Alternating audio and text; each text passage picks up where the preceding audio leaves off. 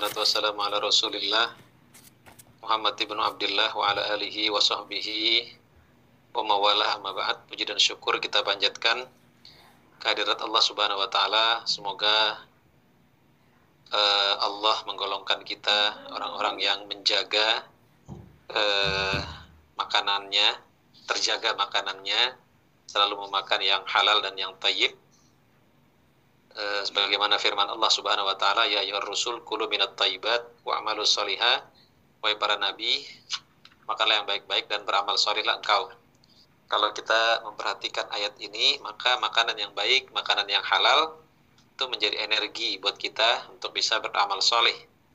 Kenapa kita berat e, baca Quran? Kenapa kita berat salat malam berat duha? Bisa jadi ada karena ada mungkin dalam diri kita ada makanan-makanan yang haram. Sehingga itu menyulitkan kita untuk melakukan amal yang solih. Karena energi yang ada di dalamnya itu energi yang tidak baik sehingga sulit untuk melakukan hal-hal yang e, baik ya. Nah e,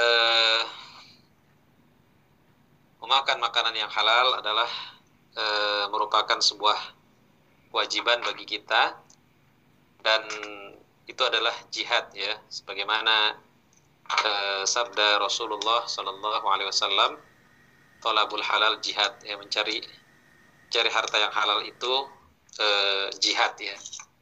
Nah dalam surah Al-Baqarah ayat 186 Allah Subhanahu Wa Taala berfirman Hai sekalian manusia makanlah yang halal lagi yang baik dari apa yang terdapat di bumi dan janganlah kamu mengikuti langkah-langkah syaitan. Karena sungguhnya syaitan itu adalah musuh yang nyata bagimu. E, di dalam ayat ini Allah Subhanahu wa taala mengatakan wahai manusia, bukan orang-orang Islam. Ini juga merupakan isyarat ya bahwa sebenarnya makanan yang halal itu tidak bermasalah buat non muslim, lebih tidak bermasalah buat non muslim. Sehingga ketika misalnya kita punya warung, kita menyediakan makanan yang halal itu juga sebenarnya itu lebih safe buat kedua-duanya, buat yang muslim ataupun yang non muslim dibandingkan ketika kita tidak menjaga e, restoran kita dengan makanan-makanan yang halal ya. Jadi makanan halal itu aman untuk kedua-duanya, baik untuk muslim dan non muslim ya. Karena tidak ada larangan bagi non muslim untuk memakan makanan yang halal ya. Nah, di Korea ini yang kebanyakan mungkin adalah e, ini apa? Di sini Ustadz e, Yusuf Al-Qaradawi ya menjelaskan tentang makanan-makanan yang diharamkan dan apa hikmah daripada diharamkannya. Pertama adalah bangkai ya. Segala jenis eh, kita umat Islam memiliki cara menyembelih tersendiri ya. Itu menyembelih. Ketika, makanya ketika kita membeli ayam, ketika kita membeli daging, ya pastikan ada ada halalnya ya, ada ada ada tulisan halalnya terlepas apakah dia maksudnya mungkin dia mengatakan belum tentu juga Pak Ustadz itu halal beneran. Ya itu kan itu tanggung jawab dia. Yang penting kita sudah berusaha mencari yang ada tulisan halalnya. Ya. Disembelihnya ya harus sesuai dengan syariat Islam. Kalau disembelihnya tidak sesuai dengan syariat Islam maka eh, daging itu menjadi bangkai. Dan bangkai haram untuk dimakan. Nah eh, makanan yang pertama kalau kita lihat dalam Al-Qur'an ya, yang pertama kali disebutkan oleh ayat itu apa? Hurrimat alaikumul maitah. Yang pertama kali diharamkan itu adalah maitah, bangkai. Ya. Nah, apa sih definisi bangkai itu? Ya, yaitu setiap binatang atau burung yang mati dengan sendirinya. Binatang yang mati bukan karena disembelih ya, atau bukan diburu oleh manusia. Ya dalam Islam boleh diburu sambil misalnya baca Bismillahirrahmanirrahim dilepas buruhnya maka itu halal ya nah ada bangkai yang halal ya. Ada bangkai yang halal dalam Islam yaitu samak wal jarot kata Nabi. Yaitu ikan dan e, belalang. Itu di halal di, dibolehkan. Dan dua darah darah. Yaitu hati dan limpa ya. Nah orang sekarang kadang-kadang mempertanyakan apa hikmah diharapkannya bangkai bagi manusia. Yang pertama naluri manusia yang sehat ya. kita sebagai manusia yang sehat tentu akan menolak dan menganggap kotor ya bangkai itu karena kita terlahir dalam keadaan fitrah, dalam keadaan suci. Kullu mauludin yuladu alal fitrah. Maka orang-orang yang berakal serta memandang bahwa memakan bangkai merupakan perbuatan yang hina, menodai kehormatan manusia. Oleh karena itu kita melihat semua pengikut agama kitab suci ya, sebenarnya mengharamkan dan, dan mereka tidak memakan kecuali yang disembelih. Meskipun berbeda-beda cara penyembelihannya ya. E, seperti orang Nas Nasrani, Yahudi, ya mereka juga e, makan ya, makan dengan cara dengan cara disembelih sesuai dengan pemahaman mereka. Ya. Nah, kemudian yang kedua adalah agar setiap muslim membiasakan niat dan tujuannya dalam semua urusan. Sehingga tidaklah ia memperoleh sesuatu atau memetik buah kecuali setelah mengarahkan niat dan tujuan dan usahanya. Hal itu disebabkan makna menyembelih yang dapat mengeluarkan binatang dari kedudukannya sebagai bangkai. Niat ya niat cara itu e, bisa merubah status bangkai dengan cara yang halal maka binatang itu tidak menjadi bangkai. Tapi dengan cara-cara yang haram, maka binatang itu ya dengan cara yang haram dengan misalnya orang niat menyembelih untuk tumbal, ya untuk memperkuat bangunan, dia menyembelih sapi, maka itu menjadi tidak halal. Li ghairillah. Dia disembelih untuk selain Allah. Nah, maka niat dalam menyembelih ini akan berubah menjadi status. Sama lah seperti misalnya orang yang satu orang ada satu orang misalnya hidup eh, hidup dengan pasangan yang sama bertahun-tahun dia tidak ganti-ganti pasangan, tetapi dia tidak ada akad di situ, tidak ada akad nikah, maka ini menjadi zina. Ada satu orang dia menikah, ya, maka ini tidak zina. Yang, apa yang membedakan? Yang membedakan adanya adalah akad. Sama ini juga yang membedakan apa niat dan cara. Ya, innamal a'malu bin niat. Sungguhnya amalan itu tergantung niatnya. Wa innamal likulli manawa dan seseorang akan mendapatkan apa yang dia niatkan, ya. Maka seolah-olah di sini kata Ustaz Yusuf Al-Qaradawi, Allah tidak rela manusia memakan sesuatu tanpa tujuan dan tanpa memikirkannya. Sebagaimana halnya memakan bangkai. Ya. Sedangkan binatang yang disembelih dan diburu, keduanya tidak dapat diperoleh. Kecuali dengan tujuan, usaha, dan perbuatan. Maka, karena kita ini manusia, eh, kita makan untuk hidup. ya Bukan hidup untuk makan. ya Nah, E, kemudian binatang yang mati dengan sendirinya kebanyakan mati karena sesuatu sebab. Binatang yang mati sendirinya tanpa disembelih. Kenapa harus disembelih? Karena binatang yang mati dengan sendiri mungkin sakit. Dalam masa yang panjang, atau karena suatu sebab yang mendatang, atau karena memakan tumbuh-tumbuhan beracun dan sebagainya, yang semua itu tidak dijamin keamanan dan bahayanya. Misalnya binatang yang mati karena sangat lemah dan karena keadaannya tidak normal. Nah, Islam Nah, maka salah satu tujuan syariat Islam adalah hifzun nafas, menjaga jiwa. Nah, menjaga jiwa ini, nah kita tidak dibenarkan memakan hal-hal yang bisa membahayakan kesehatan kita, bisa meracuni kita. Ya, karena Allah Subhanahu wa taala berfirman, "Wala taqtulu anfusakum," jangan kamu bunuh diri kamu. Ya, wala tulqu bi aidikum ila tahluka. Jangan kamu campakkan diri kamu pada kebinasaan.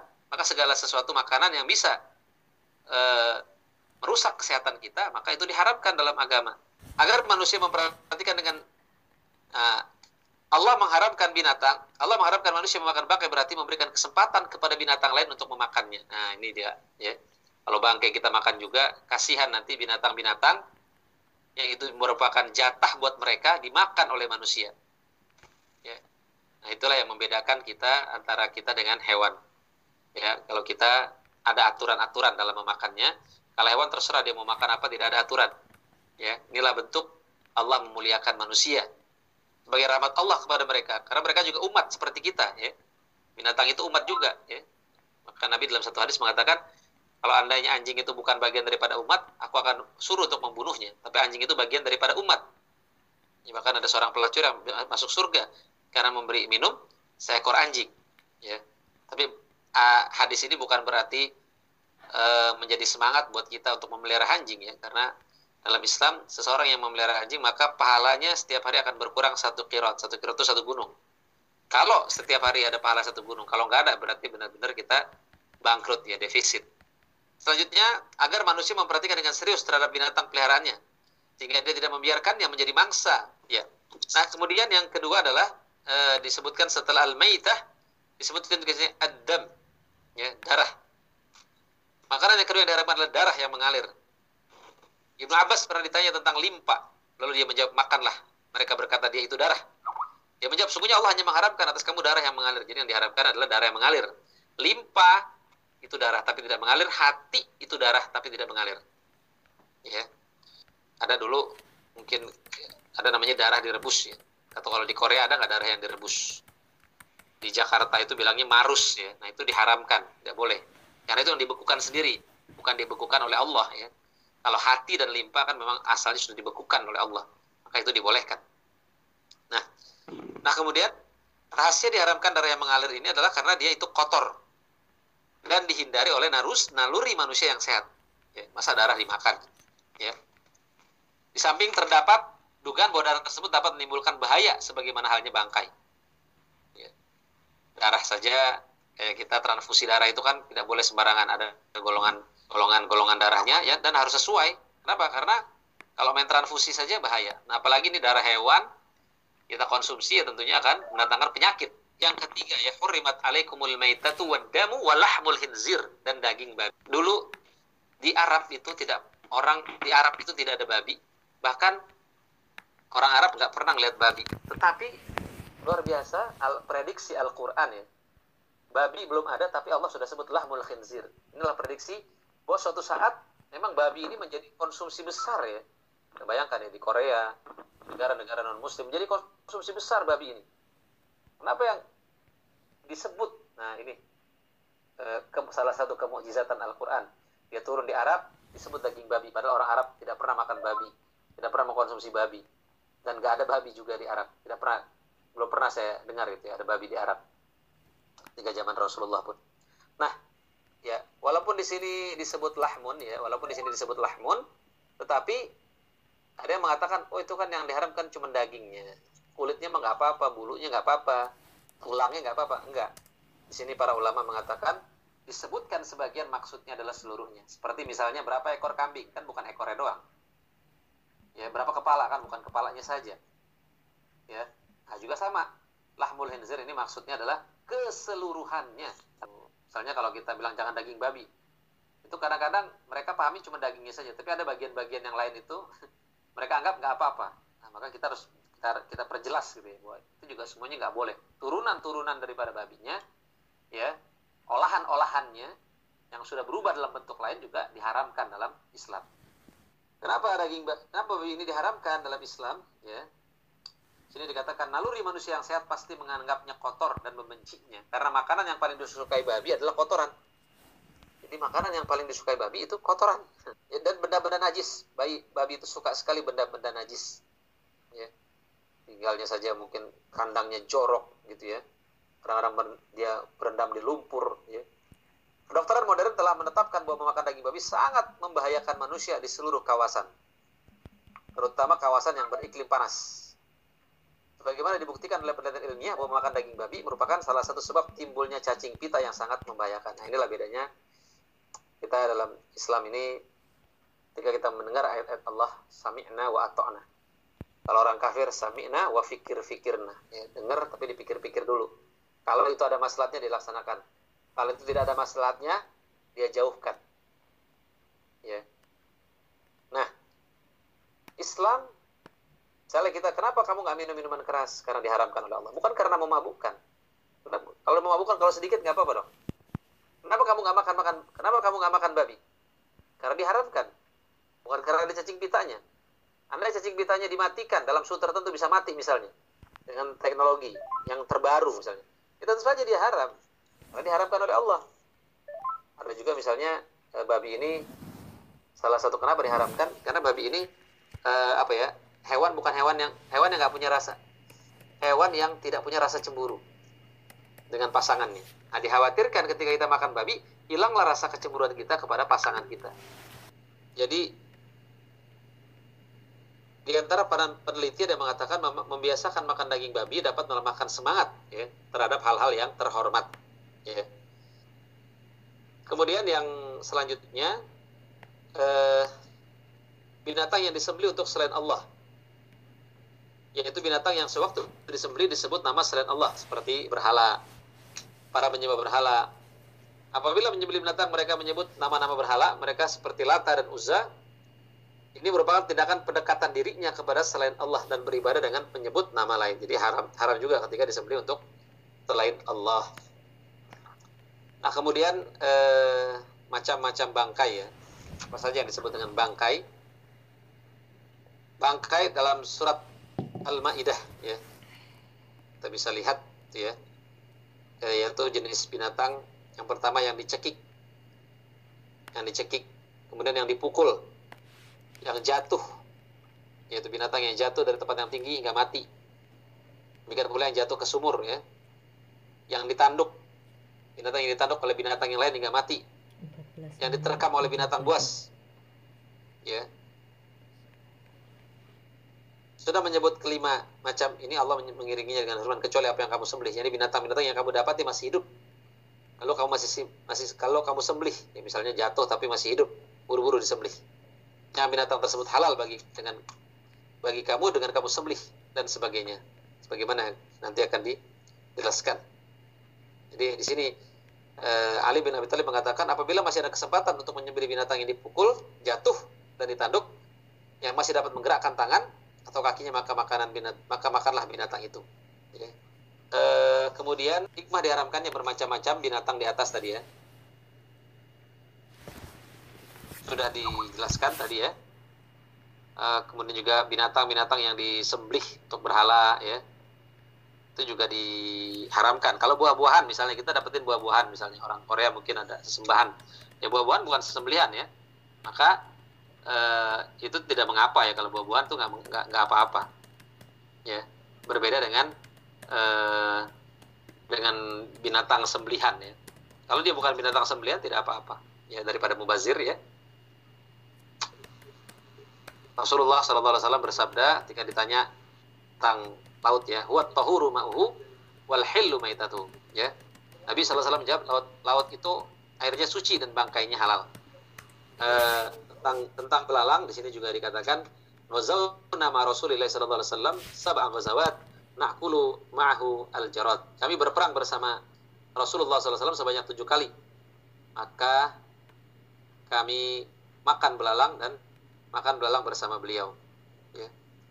Nah, eh, sahabat-sahabat yang dimuliakan Allah Subhanahu wa taala, mungkin itu ya yang bisa saya sampaikan pada kesempatan kali ini. Ya, mohon maaf atas segala kurangan karena ya, mungkin itu Mbak yang bisa saya sampaikan. Jazakumullah khair Ustadz sebelum ya. meninggalkan. Nanti mungkin kalau memang apa ada pertanyaan mungkin hmm. bisa diketik aja ya. Insya ah. Allah. Mudah-mudahan bisa saya jawab lewat ketik lewat. Ini sudah ada beberapa pertanyaan apa masih bisa dijawab Ustadz? Mau, nanya sekarang aja boleh boleh silakan sekarang. Nanti uh, nanya sekarang aja. Oke oke. Pertanyaan pertama, untuk memastikan halal tidaknya makanan di Korea, apakah cukup dengan melihat ingredient dan bahan yang satu lain produksi? Misal roti TLC, ada roti tawar yang sudah dicek bahan dan lain produksinya nggak ada babi. Nah itu hmm. apa boleh dikonsumsi atau enggak? Ya eh, tentunya kita di Indonesia di Korea ini tidak seperti di Indonesia ya, uh, yang harus ada halalnya semua. Ya makanya cukup ya cukup ketika kita sudah mengecek ingredientnya, eh, komposisinya. Ketika memang komposisinya itu tidak bermasalah, ya nggak apa-apa, silahkan saja di apa, silahkan saja dikonsumsi ya. Selama memang benar-benar kita yakin bahwa itu memang tidak ada apa, tidak ada barang-barang yang diharamkan. Saya kira begitu. Karena ya jangankan di Korea di Indonesia saja kadang-kadang tidak semua juga ada halalnya. ya. Uh, lagi yang lain? Ada lagi ini, uh, bagaimana kalau kita tahu ada teman sesama Muslim, tapi hmm. kita hmm. tidak kenal orangnya, ataupun kita mengenalnya tetapi sungkan untuk mengom, uh, menyampaikannya. Makan ayam Korea di warung biasa, ayamnya kemungkinan hmm. besar tidak halal. Bagaimana itu Ustadz? Jadi ada rasa sungkan begitu? Hmm, ya, ya dalam memberitahu kita tidak boleh ada rasa sungkan ya kita harus beritahu itu dan namanya apa tanda kita tanda kita setia kawan itu adalah ketika kita saling menasihat nasihat menasihati dalam kebaikan yang mungkin bisa di ya mungkin tidak langsung ditegur secara terbuka di apa karena dalam dalam dalam apa ya dalam kita menasihati juga ada caranya kalau kata Imam Syafi'i kalau kita menasihati orang di depan umum itu sama saja dengan menjatuhkannya. Mungkin bisa kita dengan SMS ya saya dengar di situ katanya tidak disembelih ya secara halal. Mungkin mungkin kamu bisa cek lagi deh atau kamu bisa tanya-tanya lagi deh. Ya mungkin dengan cara-cara seperti itu. Karena kadang orang bukan tidak mau menerima sebuah nasihat ya tapi mungkin cara kita dalam memberikan nasihat itu yang mungkin belum belum tepat ya belum benar. Itu saya kira. Lagi yang lain? Uh, begitu mbak mbak Nabila ya. Uh, untuk yang berikutnya kalau misalnya di warung tersebut uh, tertulis daging hojusan daging nah, dari Australia. Dagingnya dari Australia. Apakah boleh uh, kita makan Ustadz begitu? Daging Australia itu nggak tahu saya gimana. Apakah itu halal ya, daging Australia ada halal saya juga nggak tahu itu makanya. Eh, kalau dia halal ya boleh. Jadi terkait dia halal apa enggak gitu masalahnya kan? Iya. Gitu. Uh. ya sebenarnya dari mana pun uh, apa namanya iya, dari, dari tetapi dari kalau mana pun ya. gitu ya ya. Yang penting menyembeli cara penyembelihannya begitu ya, ya. betul. Cara mau dari Korea pun kalau memang cara menyembelihnya sesuai dengan syariat ya halal gitu ya uh, ada ada lagi ini Ustaz. Yeah. Uh, ini insya Allah Ustadz kami menghindari daging dari pabrik tetapi tidak dengan sayur mayur. Apakah termasuk halal atau haram ketika kita memakan makanan sayuran dari pabrik tetapi kita tidak tahu bumbunya apakah ada babinya atau tidak? Ya kadang kalau di sini ya saya juga di masjid ini ya kadang-kadang mas ada, ada satu mas muji ya itu kadang-kadang bumbu-bumbu Reiko ya harus kita apa ya ya harus kita hati-hati juga tuh mas bumbu-bumbunya ya. Kadang kan bumbunya menggunakan menggunakan apa ya kayak mungkin kal dengan tulang ya. Tulang ya nah kalau misalnya hewan itu tidak disembelih secara halal ya berarti itu ikut haram ya. Ya tetap harus tadi tetap harus hati-hati juga sih walaupun mungkin sayurnya dilihat itu mengandung apa ya ya kalau bisa tadi kalau bisa kita masak sendiri ya masak sendiri kita usahakan gitu ya ya, ya. Ustaz, uh, yang berikutnya Ustadz ini kaitannya dengan kosmetik nih uh, produk kosmetik di Korea kebanyakan haram karena ada campuran babi dari teman-teman di Korea kosmetik yang tidak ada babinya itu contohnya ini maaf menyebut merek Innisfree hmm. tapi hmm. saya ketika mau membeli kosmetik, bertanya terlebih dahulu pada penjualnya apakah ini mengandung daging, minyak, dan lemak uh, babi. Uh-huh. Kalau penjual bilang tidak ada, terus saya uh, terjemahkan kandungannya dari kalau tidak ada baru saya beli itu bagaimana Ustadz? Jadi tidak yakin dengan kandungan di bahan bahan-bahan yang ada di kosmetik itu. Ya, kalau kosmetiknya mengandung babi tidak boleh dipakai ya kalau bukannya ini ya, setahu saya bukannya di Korea itu banyak yang alami ya, seperti tadi kan, seperti yang apa Jeju atau Innisfree. Ya kalau memang itu mengandung mengandung hal-hal yang diharamkan ya tidak boleh dipakai ya. ya. Mm-hmm. Jadi memang tidak hanya makanan saja begitu ya Ustadz ya? Iya iya iya. Misalnya uh, berbeda mungkin dengan ini ya kayak minyak wangi yang mengandung alkohol misalnya. Itu masih boleh ya fatwa ulama Al Azhar masih dibolehkan karena tidak semua seperti tidak semua alkohol itu haram ya. Misalnya kayak kayak di buah-buahan kan juga ada alkoholnya seperti kayak di duren eh, di obat batuk ya. Ada memang alkohol alkohol alkohol yang dibolehkan ya. Dan alkohol itu belum tentu minuman keras ya. Tidak semua alkohol itu minuman keras. Walaupun minuman keras itu mengandung alkohol tapi tidak semua yang alkohol itu berarti memabukkan ya. Ini ada lagi Ustadz Bagaimana mengenai daging yang dari negara yang beragama seperti Amerika? Karena hewan yang disembeli oleh ahli kitab itu dapat dimakan. Bagaimana mengenai hal tersebut? Jadi sembelihan ahli kitab, Ustaz. Uh, sembelihan ahli kitab ya. Ya, yes, di sini ada Ustadz Yusuf Al-Qardawi mengatakan sembelihan ahlul kitab Yahudi dan Nasrani. Ya. uh, ini yang harus ada di sini beliau mengatakan ada beberapa persoalan yang perlu diketahui ya bagi kaum muslimin. Yang pertama, apabila tidak didengar dari ahli kitab bahwa mereka menyebut nama selain Allah pada waktu menyembelih, ya, seperti Al-Masih atau Uzair, maka sembelihan itu halal, kata beliau. Dan kadang apabila terdengar bahwa mereka menyebut nama selain Allah, maka sebagian ahli fikih mengharamkan sembelihan itu. Karena yang demikian itu termasuk binatang yang disembelih untuk selain Allah. Berarti kan di sini ya tetap ya tidak boleh ya Ustaz. Tidak boleh ya. Nah, di sini dikatakan juga Abu Darda pernah ditanya tentang kambing yang disembelih dan dihadiahkan untuk gereja yang bernama Jurjas. Boleh kita memakannya? Abu Darda menjawab boleh karena mereka ada ahli kitab yang makanan mereka halal bagi kita dan makanan kita halal bagi mereka. Imam Malik pernah ditanya tentang binatang yang disembelih oleh ahli kitab untuk gereja dan hari mereka lalu menjawab aku memakruhkannya dan tidak mengharamkannya. Di sini Imam Malik memakruhkannya. Beliau memakruhkannya sebagai kewaraan, kehati-hatian beliau. Karena takut termasuk binatang yang disembelih untuk senang Allah. Ditakutkan ketika mereka menyembelih, mereka menyebutnya untuk menyebut tadi demi demi demi al-masih gitu ya. Maka untuk kehati-hatian ya lebih baiknya jangan cari makanan yang halal walaupun tadi ada ayatnya makanan yang halal itu makanan ahli kita tuh halal buat kamu. Tapi dikhawatirkan mereka menyembelih untuk selain Allah. Sedangkan tadi kan kalau kita nggak mendengar sedangkan kita kan nggak tahu. Itu, itu kan hewan dikirim ya. Nah kita nggak bisa ngedenger gitu kan. Gitu. Ada lagi yang lain? Iya. Uh, mungkin masih menunggu oh ini apa hukumnya memakan makanan yang halal tapi digoreng di minyak yang sama dengan makanan yang di dalamnya? Ada kandungan daging haram. Ya tidak boleh kalau dicampur gorengannya tentunya kan tadi minyaknya itu bisa mengenai makanan yang digoreng.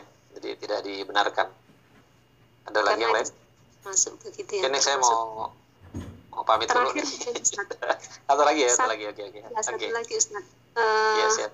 hukum menggunakan biji pala dalam bumbu masakan halal ataukah pala. haram? Biji pala Ustaz. Iya. Pala itu apa emang ada kandungan apa nih saya nggak tahu juga tuh Nah, sama Ustadz. ya mungkin nanti eh, akan datang saya saya jawab saya nggak tahu itu. Ya, Apakah ya. di sana ada hal-hal yang diharamkan? Ya mungkin saya pamit dulu ini ada acara. Iya, jazakumullah khair Ustaz. Iya, iya, iya, wa ya. Assalamualaikum warahmatullahi wabarakatuh. Waalaikumsalam warahmatullahi wabarakatuh. Uh, mungkin tehlis untuk tehlis ya. Uh, yang kandungan biji yang apa menggunakan biji pala itu uh, kenapa begitu ya kok haram? Kalau menurut saya sih enggak ya karena itu kan biji alami ya. Maksudnya uh, apakah ada proses yang menyebabkan dia itu haram atau bagaimana begitu? Kalau setahu saya biji pala itu ya halal ya. Ya mungkin uh, karena Ustaz sudah uh, selesai sesi ustadznya. Kemudian yang berikutnya uh, yaitu untuk teh Rike saya bacakan dulu uh, apa namanya biografi beliau.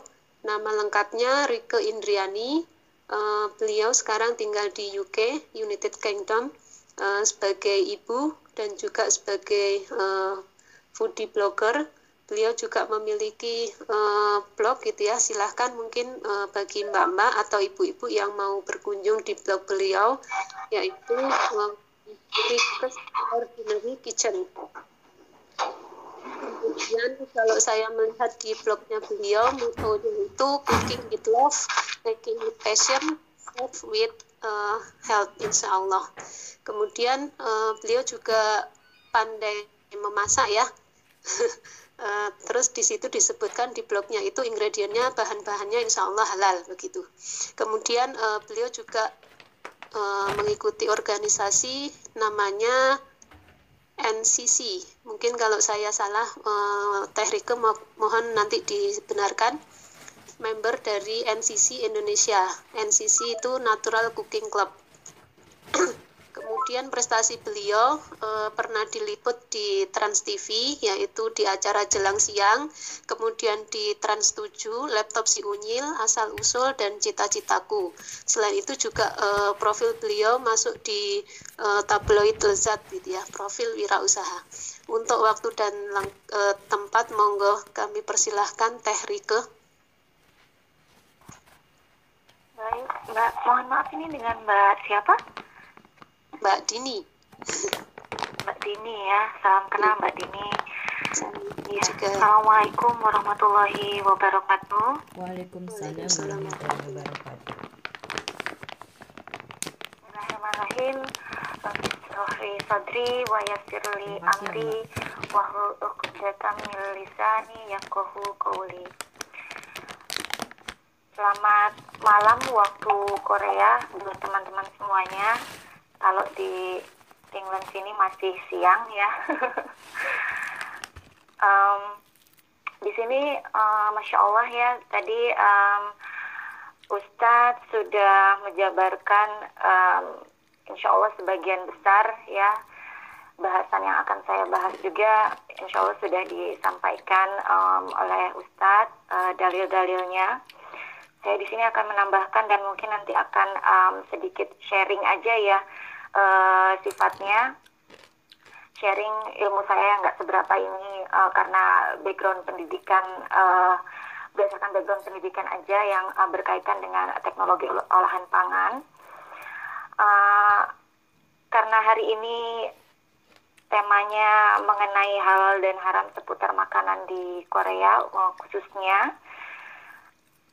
Um, definisi halal dan haram itu sendiri sebenarnya uh, sudah dijelaskan ya dalam uh, Al-Quran maupun uh, Al-Hadis atau uh, As-Sunnah. Halal adalah yang dihalalkan Allah dalam di dalam kitabnya dan haram adalah yang diharamkan Allah di dalam kitabnya. Adapun yang tidak dijelaskan halal atau haram, maka itu merupakan hal yang dimaafkan oleh Allah. Uh, ini berdasarkan hadis riwayat uh, Tirmidzi dan Hakim ya. Kemudian uh, Halal dan haram adalah ketentuan Allah yang mengikat secara hukum kepada manusia mukallaf untuk melakukan hal yang haram dan meninggalkan untuk melakukan hal yang halal dan meninggalkan yang haram. Tujuan uh, tujuan hukum Allah ini tentu saja uh, dimaksudkan untuk mewujudkan kemaslahatan manusia ya dalam uh, menjalani kehidupan sebagai hamba Allah di muka bumi. Nah, sebenarnya kalau kita berbicara tentang uh, makanan yang tidak diperbolehkan atau diharamkan oleh Allah Subhanahu wa taala ataupun uh, berdasarkan uh, sunnah Nabi itu sebenarnya sangat sedikit ya dibandingkan dengan bahan lain yang diperbolehkan kita memakannya. Karena makanan-makanan uh, yang haram itu sudah uh, jelas ya Allah jelaskan di dalam Al-Qur'an seperti di surat Al-Maidah ayat 3 tadi yaitu uh, bangkai, darah, daging babi, hewan yang disembelih bukan atas nama Allah, hewan halal yang mati karena bukan karena bukan karena disembelih, misalnya tercekik atau dipukul atau ditanduk atau diterkam binatang lain, seperti itu. Dan sisanya itu halal, masya Allah ya. Jadi sebenarnya Allah itu uh, menetapkan apa-apa yang diharamkan itu sebagai ujian untuk kita. Apakah kita mau mematuhi perintahnya atau kita menjadi manusia yang um, membangkang atas perintahnya. Karena nikmat Allah itu begitu luas ya makanan yang halal itu subhanallah banyak sekali dibandingkan makanan yang diharamkan saya di sini uh, akan dimulai dengan uh, sebenarnya uh, ada fatwa yang uh, mendasari hal haram yaitu um, bahwa asal segala sesuatu itu adalah halal atau mubah ya mubah atau diperbolehkan. Jadi asal memang asal segala sesuatu itu adalah halal atau boleh sampai ada dalil atau nas yang secara tegas haramkannya. Seperti itu. Nah, kalau dalam uh, dunia pangan, perkembangan uh, dunia pangan beserta teknologinya sekarang ini tentu saja uh, menjadikan bahan bahan-bahan produksi baik dari teknologi produksi maupun produk-produk yang dihasilkan itu lebih kompleks ya karena bahan yang digunakan lebih uh, beragam, kemudian teknologinya juga uh, lebih maju dibandingkan mungkin dengan bahan-bahan um, makanan zaman nenek moyang kita dulu, zaman Nabi dulu yang mungkin lebih uh, simple, lebih sederhana. Karena sekarang ini teknologi pangan ini benar-benar uh, ilmu yang uh, sangat berkembang pesat dan maju sekali ya jadi uh, kita juga mau tidak mau dituntut untuk lebih aware. Uh, walaupun misalnya kita tidak punya background apa pun di dalam uh, teknologi pangan, tapi insya Allah uh, ilmu itu selalu ada buat kita untuk mencari ya. Sekarang banyak buku-buku, uh, banyak internet, bisa juga bertanya di forum-forum seperti itu. Jadi insya Allah tidak ada uh, istilah untuk kita uh, malas untuk mencari ilmu lah seperti itu ya. Nah, uh, sebenarnya faktor-faktor yang menyebabkan suatu bahan menjadi haram uh, terkait asal mulanya adalah mubah ya tadi seperti yang saya jelaskan uh, faktor-faktor uh, yang menyebabkan suatu makanan atau minuman menjadi haram itu ada uh, beberapa. Di antaranya adalah memang bahan tersebut asalnya sudah haram ya. Seperti tadi yang uh, dijelaskan di beberapa surat dalam Al-Quran, semisal surat Al-Maidah ayat 3 tadi, atau uh, di surat uh, Al-An'am ayat 99 juga uh, ada, kemudian di surat Al-Baqarah juga tadi ayat 168, uh, 169 juga ada. Jadi uh, yang pertama adalah tadi ya uh, yang menyebabkan faktor-faktor uh, suatu bahan makanan atau minuman menjadi haram itu adalah yang pertama bahan tersebut sudah haram. Misalnya yaitu tadi misalnya daging babi ya dan produk-produk turunannya. Karena babi itu sendiri kan sudah haram. Jadi uh, Allah sudah mengharamkan babi. Jadi si babi tersebut mau diolah menjadi apa pun atau mau disembelih dengan bismillah pun ya babi tetap haram. Atau yang uh, semisal uh, minuman keras ya atau hammer. Jadi memang uh, minuman keras atau hammer itu kan sifatnya memabukkan dan itu sudah uh, haram. Jadi walaupun kita meminum uh, minuman keras atau hammer dengan mengucap bismillah pun tidak akan menjadikan uh, makanan tersebut minuman tersebut menjadi halal ya.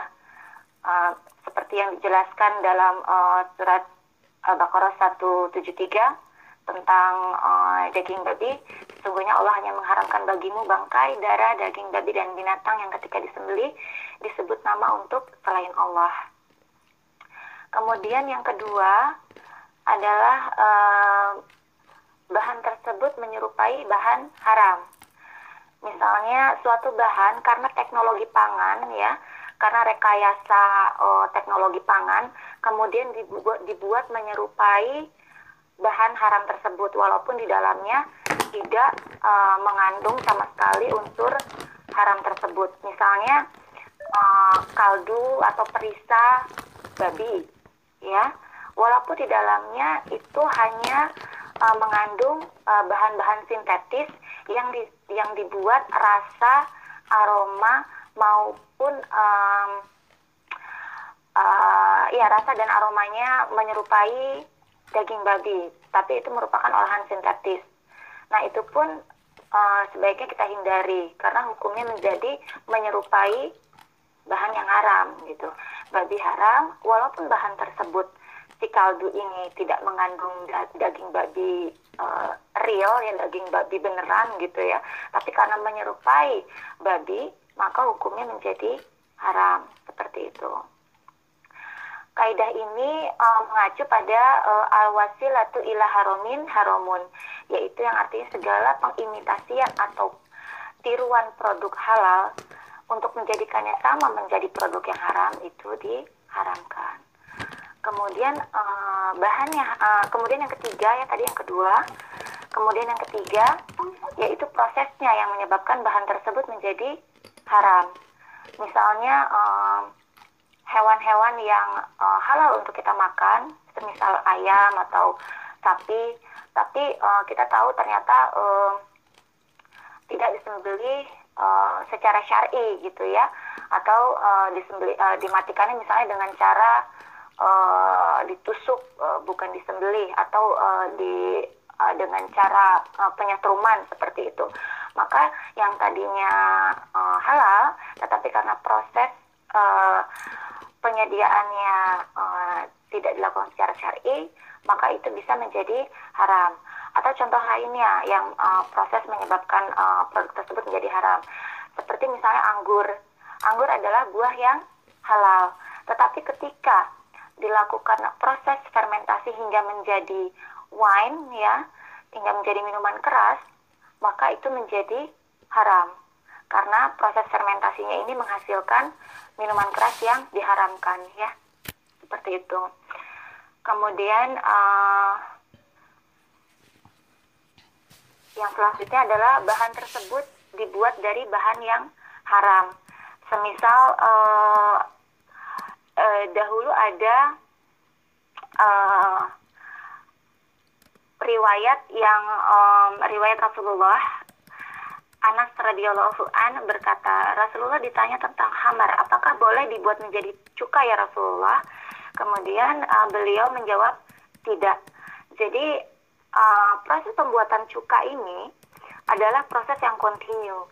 Dari bahan uh, karbohidrat atau gula kemudian difermentasi menjadi alkohol, kemudian dilanjutkan lagi menjadi cuka. Nah, apabila prosesnya kontinu dari bahan awal, misalnya uh, cuka anggur ya, uh, langsung dari anggur, kemudian difermentasi, tidak terputus langsung menjadi cuka anggur, itu boleh atau halal. Tetapi seperti hadis Rasulullah uh, yang tadi saya sebutkan, apabila uh, kita membuat cukanya dari uh, dari wine atau anggur yang sudah difermentasikan menjadi minuman keras, kemudian kita bermaksud untuk mengubah minuman keras tersebut menjadi cuka, ya difermentasi menjadi cuka, itu menjadi tidak boleh karena asalnya uh, dari barang yang haram, dari minuman keras seperti itu. Kemudian uh, selanjutnya adalah bahan tersebut terkontaminasi oleh bahan haram. Seperti tadi ada yang uh, teman kita tanyakan uh, memakan gorengan yang minyaknya uh, bekas menggoreng uh, bahan yang haram, misalnya menggoreng bahan yang mengandung bahan babi ya sosis babi atau daging babi digoreng, kemudian minyak bekas gorengannya dipakai lagi untuk menggoreng misalnya menggoreng bakwan seperti itu ya. Maka si bakwan ini ikut menjadi haram karena terkontaminasi oleh uh, bahan yang haram. Si uh, daging babi yang tadi digoreng di minyak tersebut. Jadi uh, itu tadi ya uh, ada uh, saya ringkas poinnya yaitu yang pertama adalah bahan tersebut memang sudah dasarnya haram. Uh, contohnya daging babi, kemudian bahan tersebut menyerupai bahan haram, contohnya itu tadi misalnya uh, kaldu yang tidak mengandung daging babi tapi dibuat menyerupai uh, rasa aroma dan sebagainya menyerupai daging babi itu juga uh, bisa dikategorikan halal dengan uh, kaidah al wasilatu ila haromin haromun segala uh, bentuk pengimitasian produk halal menjadi produk yang haram itu diharamkan. Kemudian yang ketiga, prosesnya uh, menyebutkan uh, menyebabkan bahan tersebut menjadi haram. Uh, contohnya hewan yang tadinya halal tapi karena tidak disembelih secara syar'i maka menjadi haram atau yang uh, buah-buahan yang tadinya halal kemudian sengaja di, difermentasikan untuk menjadi minuman keras maka si buah yang tadinya halal uh, menjadi haram karena sudah berbentuk uh, minuman keras. Kemudian uh, yang keempat tadi adalah uh, bahan tersebut dibuat dari bahan yang haram seperti tadi uh, pembuatan cuka yang um, uh, dibuat dari hamar. Kemudian yang kelima adalah uh, bahan tersebut terkontaminasi bahan haram. Contohnya tadi ya yang um, minyak bekas menggoreng daging babi digunakan lagi untuk menggoreng bahan lain yang uh, asalnya uh, halal seperti itu ya. Kemudian uh, saya juga ingin uh, menambahkan tentang uh, karena ini di Korea. Ini berdasarkan pengalaman saya uh, selama waktu di Korea dulu ya. Uh, tapi saya lihat uh, sekarang ini alhamdulillah uh, saya masih uh, cukup mengikuti uh, apa tren perkembangan makanan-makanan uh, Korea sekarang. Alhamdulillah saya lihat sudah banyak kemajuan lah ya untuk masalah uh, makanan halal seperti ini. Produsen-produsen uh, di Korea juga sudah uh, mulai lebih baik lah uh, awarenessnya terhadap penyediaan atau kebutuhan uh, bahan makanan halal di Korea ini. Jadi uh, secara umum uh, titik kritis kehalalan makanan di Korea itu uh, di antaranya adalah uh, yang pertama adalah adanya kandungan pork atau uh, babi ya uh, dan segala bentuk produk turunannya uh, babi atau di Korea disebutnya dweji. Uh, sebelumnya saya mohon maaf uh, dulu ya karena saya udah kurang lebih tiga tahun ya meninggalkan Korea. Jadi bahasa Korea saya uh, udah lumayan banyak yang lupa gitu ya. Sudah banyak uh, lumayan yang uh, lupa. Jadi istilah-istilah bahan makanan juga saya dalam bahasa Korea udah uh, banyak yang lupa ya.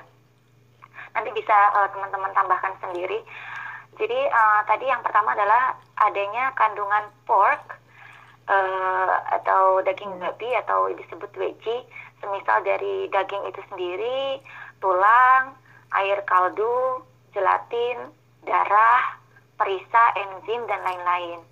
Kemudian uh, yang kedua adalah adanya kandungan daging, kaldu, dan lain-lain dari hewan lain yang kita tidak tahu uh, penyembelihannya secara syari atau tidak ya. Kemudian uh, yang ketiga adalah adanya kandungan hammer atau uh, um, hammer itu atau minuman uh, keras yang digunakan sebagai bahan masakan misalnya adanya uh, anggur, uh, anggur atau uh, anggur beras atau anggur merah gitu ya yang banyak digunakan dalam dunia kuliner. Kemudian adanya emulsifier uh, atau di dalam bahasa Korea itu kalau tidak salah ingat saya namanya apa ya disebutnya yuhwaje ya yuhwaje atau zat lain yang bersifat haram atau uh, kita sendiri masih uh, ragu atau syubhat. Jadi originnya atau asalnya berasal dari tumbuhan atau bahan hewani yang tidak halal. Kemudian ada juga kebiasaan dari uh, produsen makanan di Korea dulu yang saya dan teman-teman uh, di Korea uh, sering temukan adalah perubahan komposisi bahan baku dari produk yang diproduksi. Jadi bisa jadi um, hari ini kita menemukan sebuah produk yang kita sudah cek ya ingredientsnya insya Allah aman uh, untuk dikonsumsi uh, kita sebagai muslim ya. Jadi insya Allah hmm. tidak ada kandungan uh, babi atau turunannya, tidak ada bahan hewani segala macam. Tapi kemudian uh, misalnya setelah beberapa bulan kemudian kita iseng-iseng baca lagi uh, produk yang sama, ternyata komposisi bahan uh, atau ingredientsnya berubah. Ternyata yang tadinya ada tidak ada bahan hewani, kemudian uh, berubah menjadi ada bahan hewaninya yang ternyata uh, tidak boleh kita makan gitu. Jadi uh, alangkah baiknya walaupun misalnya kita menemukan sebuah produk uh, yang uh, sudah yakin kita uh, beli uh, karena sudah dicek ya kandungannya insya Allah aman dimakan oleh muslim. Uh, beberapa waktu kemudian ya bisa juga kita uh, uh, cek lagi apakah ada perubahan atau tidak seperti itu. Kalau dulu biasanya di grup kita saling memberikan informasi gitu. Kalau misalnya ada produk-produk seperti ini nih misalnya uh, ini uh, merek A misalnya brand A tadinya kita bisa makan nih. Ternyata uh, beberapa bulan kemudian ada seorang teman yang uh, tidak sengaja menemukan si brand A ini yang tadinya bisa kita makan ternyata ada perubahan komposisi. Lalu diinformasikan ke uh, teman-teman uh, yang lain dalam grup uh, uh, tentang perubahan tersebut. Kemudian uh, kelemahan di Korea ini juga masih kurang masih kurangnya pemahaman masyarakat lokal tentang uh, makanan halal bagi muslim ya uh, di masyarakat Korea secara umum jadi mungkin berbeda dengan uh, di Amerika atau di Eropa misalnya yang uh, Islam sudah lebih familiar ya dan apa itu makanan halal pun sudah lebih uh, dikenal gitu oleh uh, masyarakat di sana. Namun untuk di Korea mungkin uh, masih lebih sedikit orang-orang uh, Korea yang uh, paham apa sih itu makanan halal, apa sih sebenarnya yang tidak boleh dimakan oleh Muslim.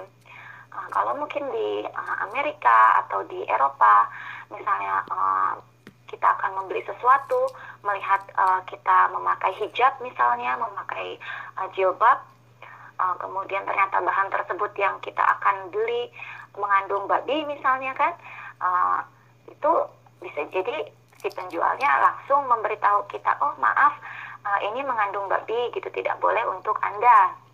Tapi kalau di Korea kan uh, mungkin banyak pedagang yang belum paham tentang hal ini. Jadi harus dari kitanya yang sendiri yang aktif uh, menanyakan apakah uh, produk yang akan kita beli itu uh, mengandung bahan yang haram atau tidak. Misalnya menanyakan uh, apakah produk tersebut uh, menggunakan daging babi gitu.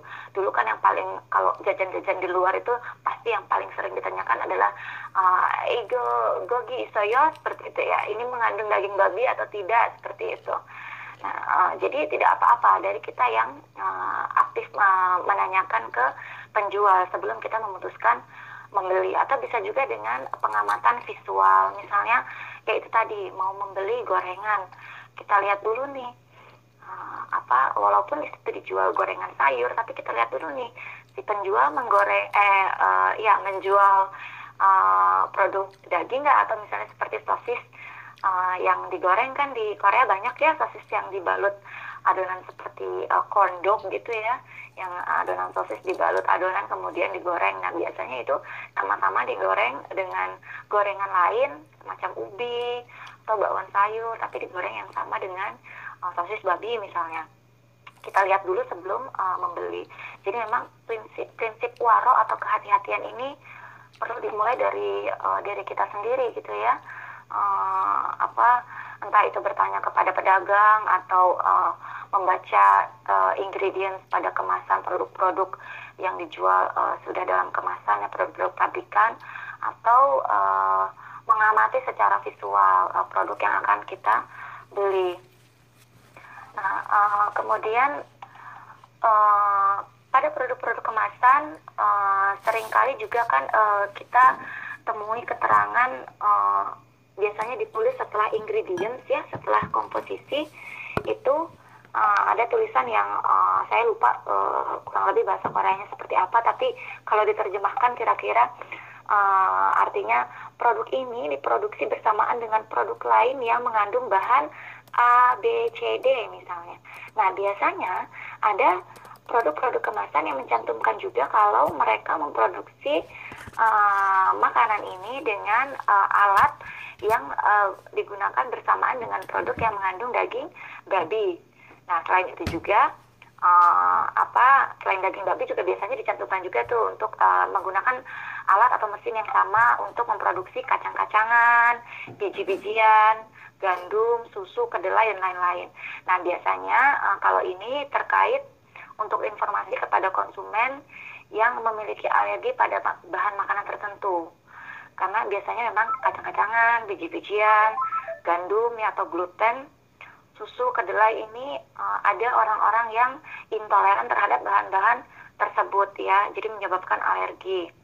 Atau misalnya uh, untuk informasi kepada orang-orang yang sedang menjalani diet tertentu misalnya uh, vegetarian dan tidak memakan uh, produk daging misalnya. Jadi dicantumkan di situ uh, uh, keterangan digunakan bersama dengan uh, produk yang uh, mengandung daging babi misalnya. Itu juga bisa kita jadikan acuan uh, untuk uh, membeli atau tidak. Biasanya dulu teman-teman kalau kalau kalau sudah jelas-jelas uh, kita temukan di kemasan itu tercantum keterangan seperti itu ya. Istilahnya apa ya uh, produsen sudah berbaik hati memberikan keterangan seperti itu di kemasan ya. Walaupun mereka bukan dengan tujuan uh, agar orang tahu kalau uh, makanan ini halal bukan ya. Tapi mungkin uh, peruntukannya hanya untuk uh, diet tertentu atau alergi tertentu.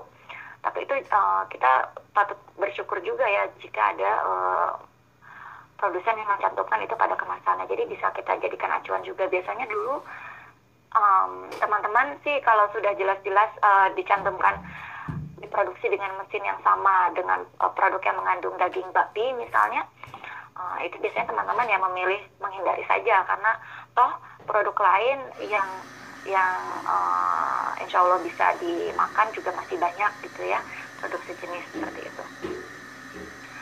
Uh, kemudian uh, itu tadi ya saya lihat uh, alhamdulillah uh, sekarang ini kepedulian tentang pentingnya penyediaan uh, makanan halal di Korea sudah jauh lebih baik dari mungkin pas zaman saya uh, dulu tinggal di Korea ya.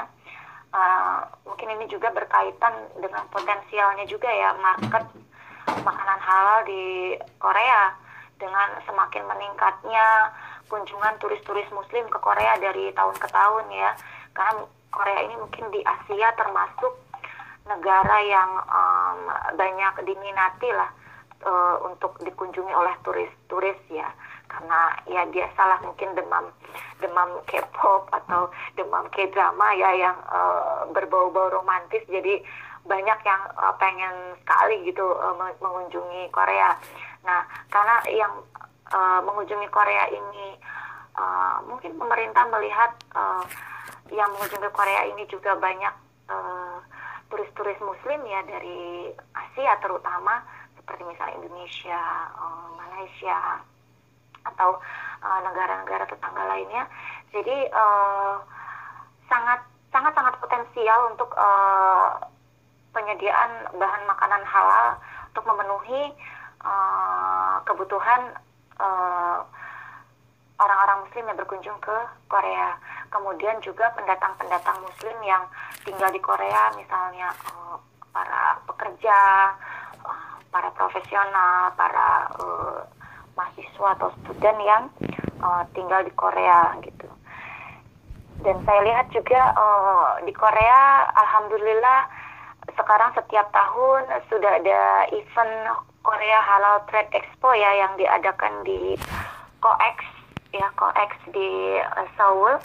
Jadi alhamdulillah ini juga bisa menjadi salah satu uh, edukasi kepada masyarakat Korea untuk lebih mengenal apa sih sebenarnya uh, makanan halal dan apa ur urgensi makanan halal bagi uh, muslim ya seperti itu mungkin um, segitu dulu aja mbak uh, yang bisa saya sampaikan atau sharing ya ilmu saya masih sangat sedikit sebenarnya ya tadi juga uh, Ustadz Alhamdulillah sudah banyak membahas juga tentang uh, dalil-dalil uh, yang mendasari uh, halal haramnya sebuah bahan makanan dan minuman.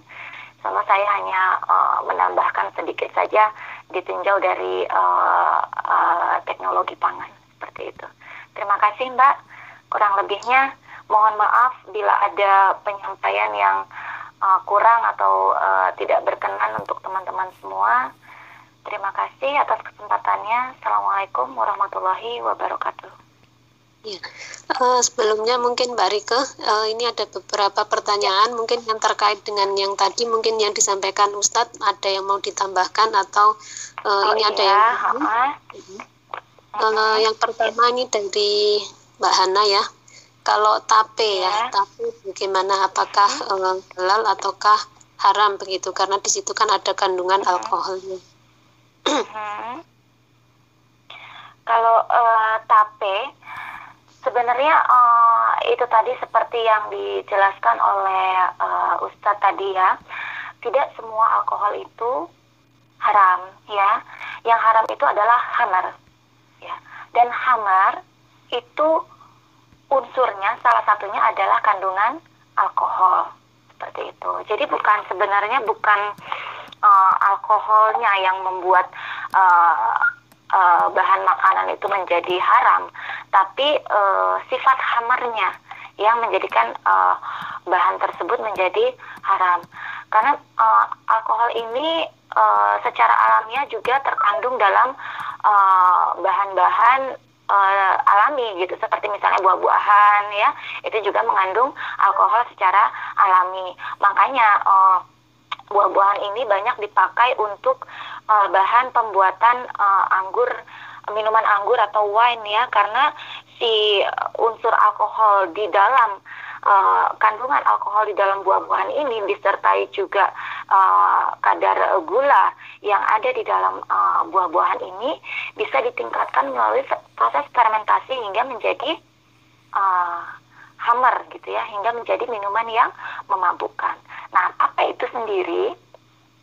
Memang uh, diproses dengan proses fermentasi dan menghasilkan alkohol. Tapi alkoholnya itu sendiri berada menjadi satu dengan bahannya, gitu. Uh, bagaimana ya cara menjelaskannya? misalnya tape singkong ya mbak ya, tape singkong misalnya dari singkong, kemudian uh, diberi ragi, difermentasi, kemudian menjadi tape singkong ya. Nah itu memang uh, kadar alkohol di dalam tape singkong karena melalui proses fermentasi itu pastilah mengalami peningkatan dari bahan asalnya yang hanya singkong singkong mentah misalnya seperti itu ya. Tapi si alkohol ini menjadi satu dalam si tape ini gitu. Tidak sengaja dipisahkan untuk menjadi hamar gitu Mbak.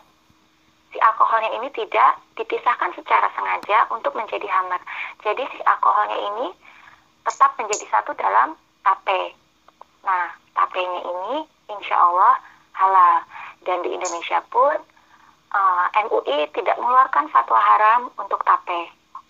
Sampai di saat ini ya yang saya tahu.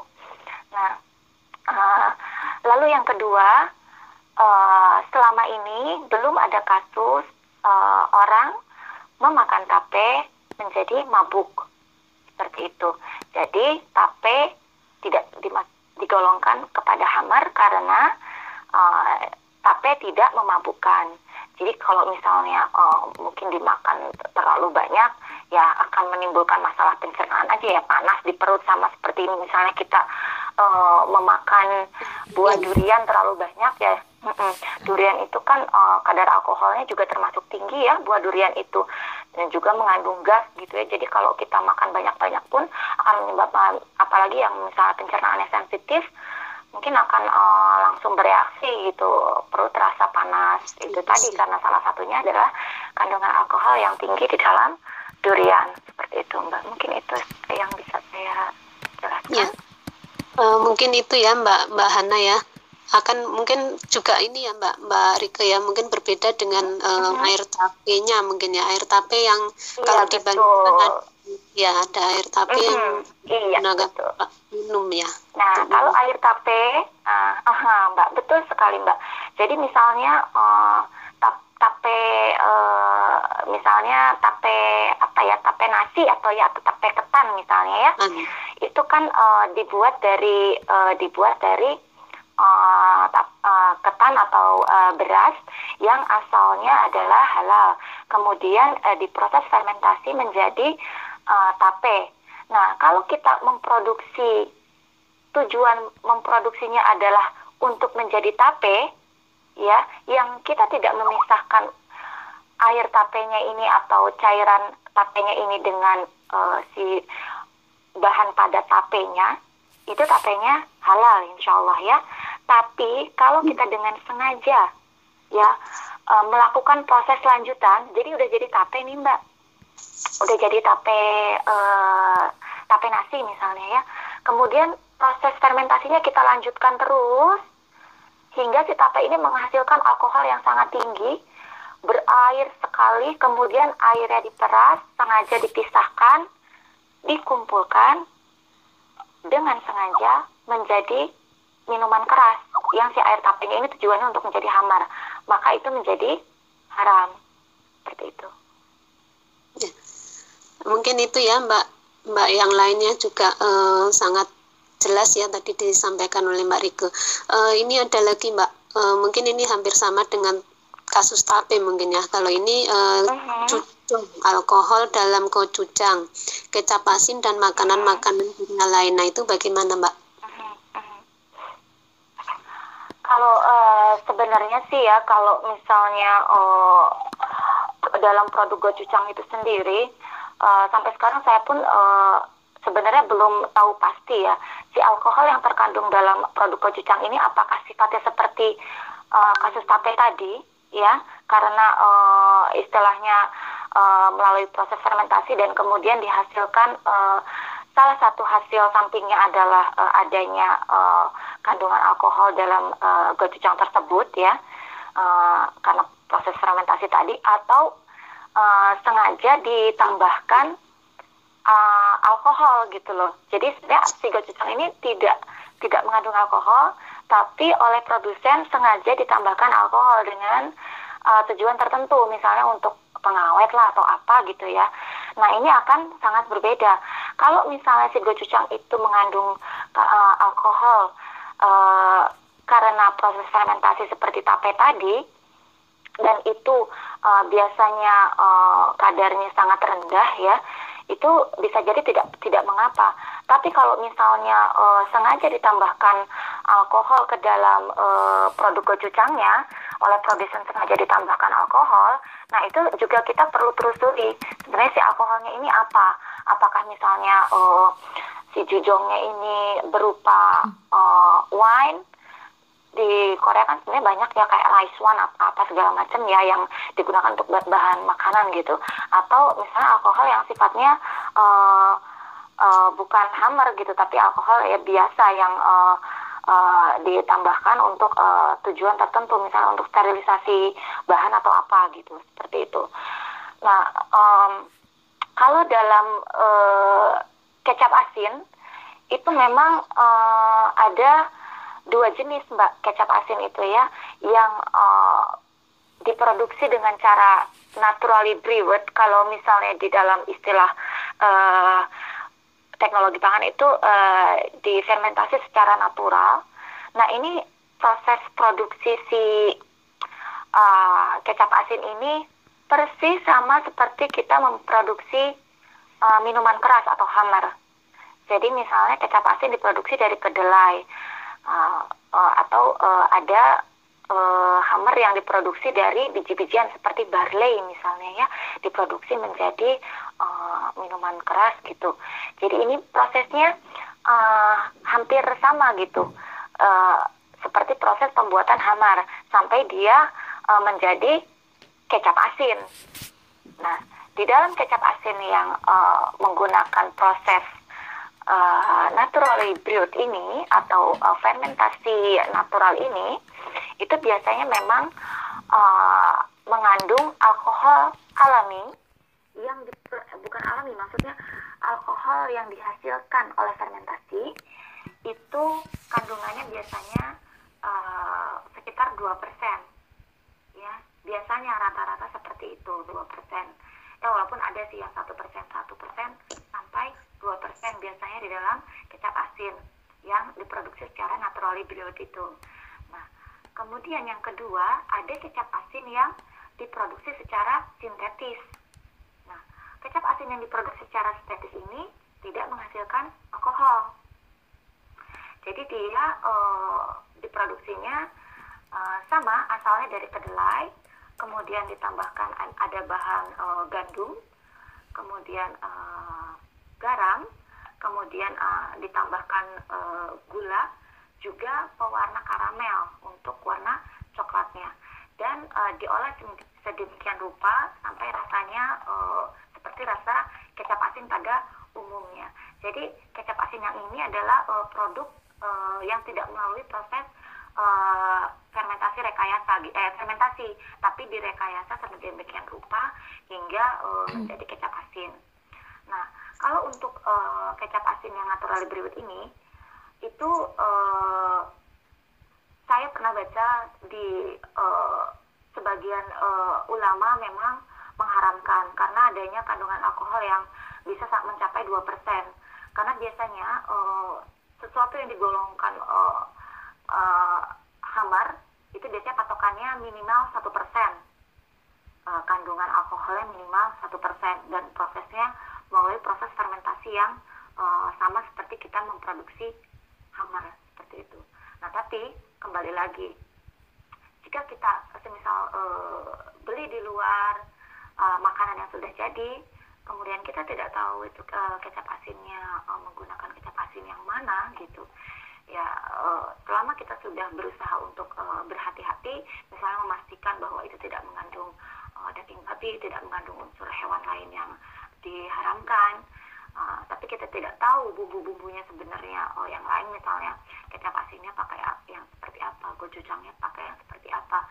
Karena misalnya posisinya uh, masih di Korea uh, insya Allah itu mungkin uh, sudah bagian dari kehati-hatian kita ya.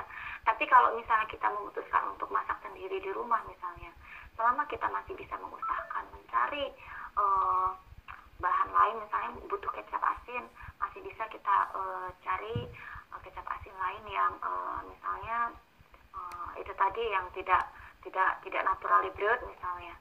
Uh, ya mungkin lebih baik memilih kecap asin yang seperti itu tapi uh, kalau misalnya itu tadi uh, kembali lagi kepada pilihan kita semua ya karena uh, namanya itu tadi yang seperti Ustadz sampaikan bahwa urgensi uh, tinggal di suatu negara uh, yang mayoritas non muslim tentu berbeda dengan uh, kita yang tinggal misalnya di negara yang mayoritas muslim.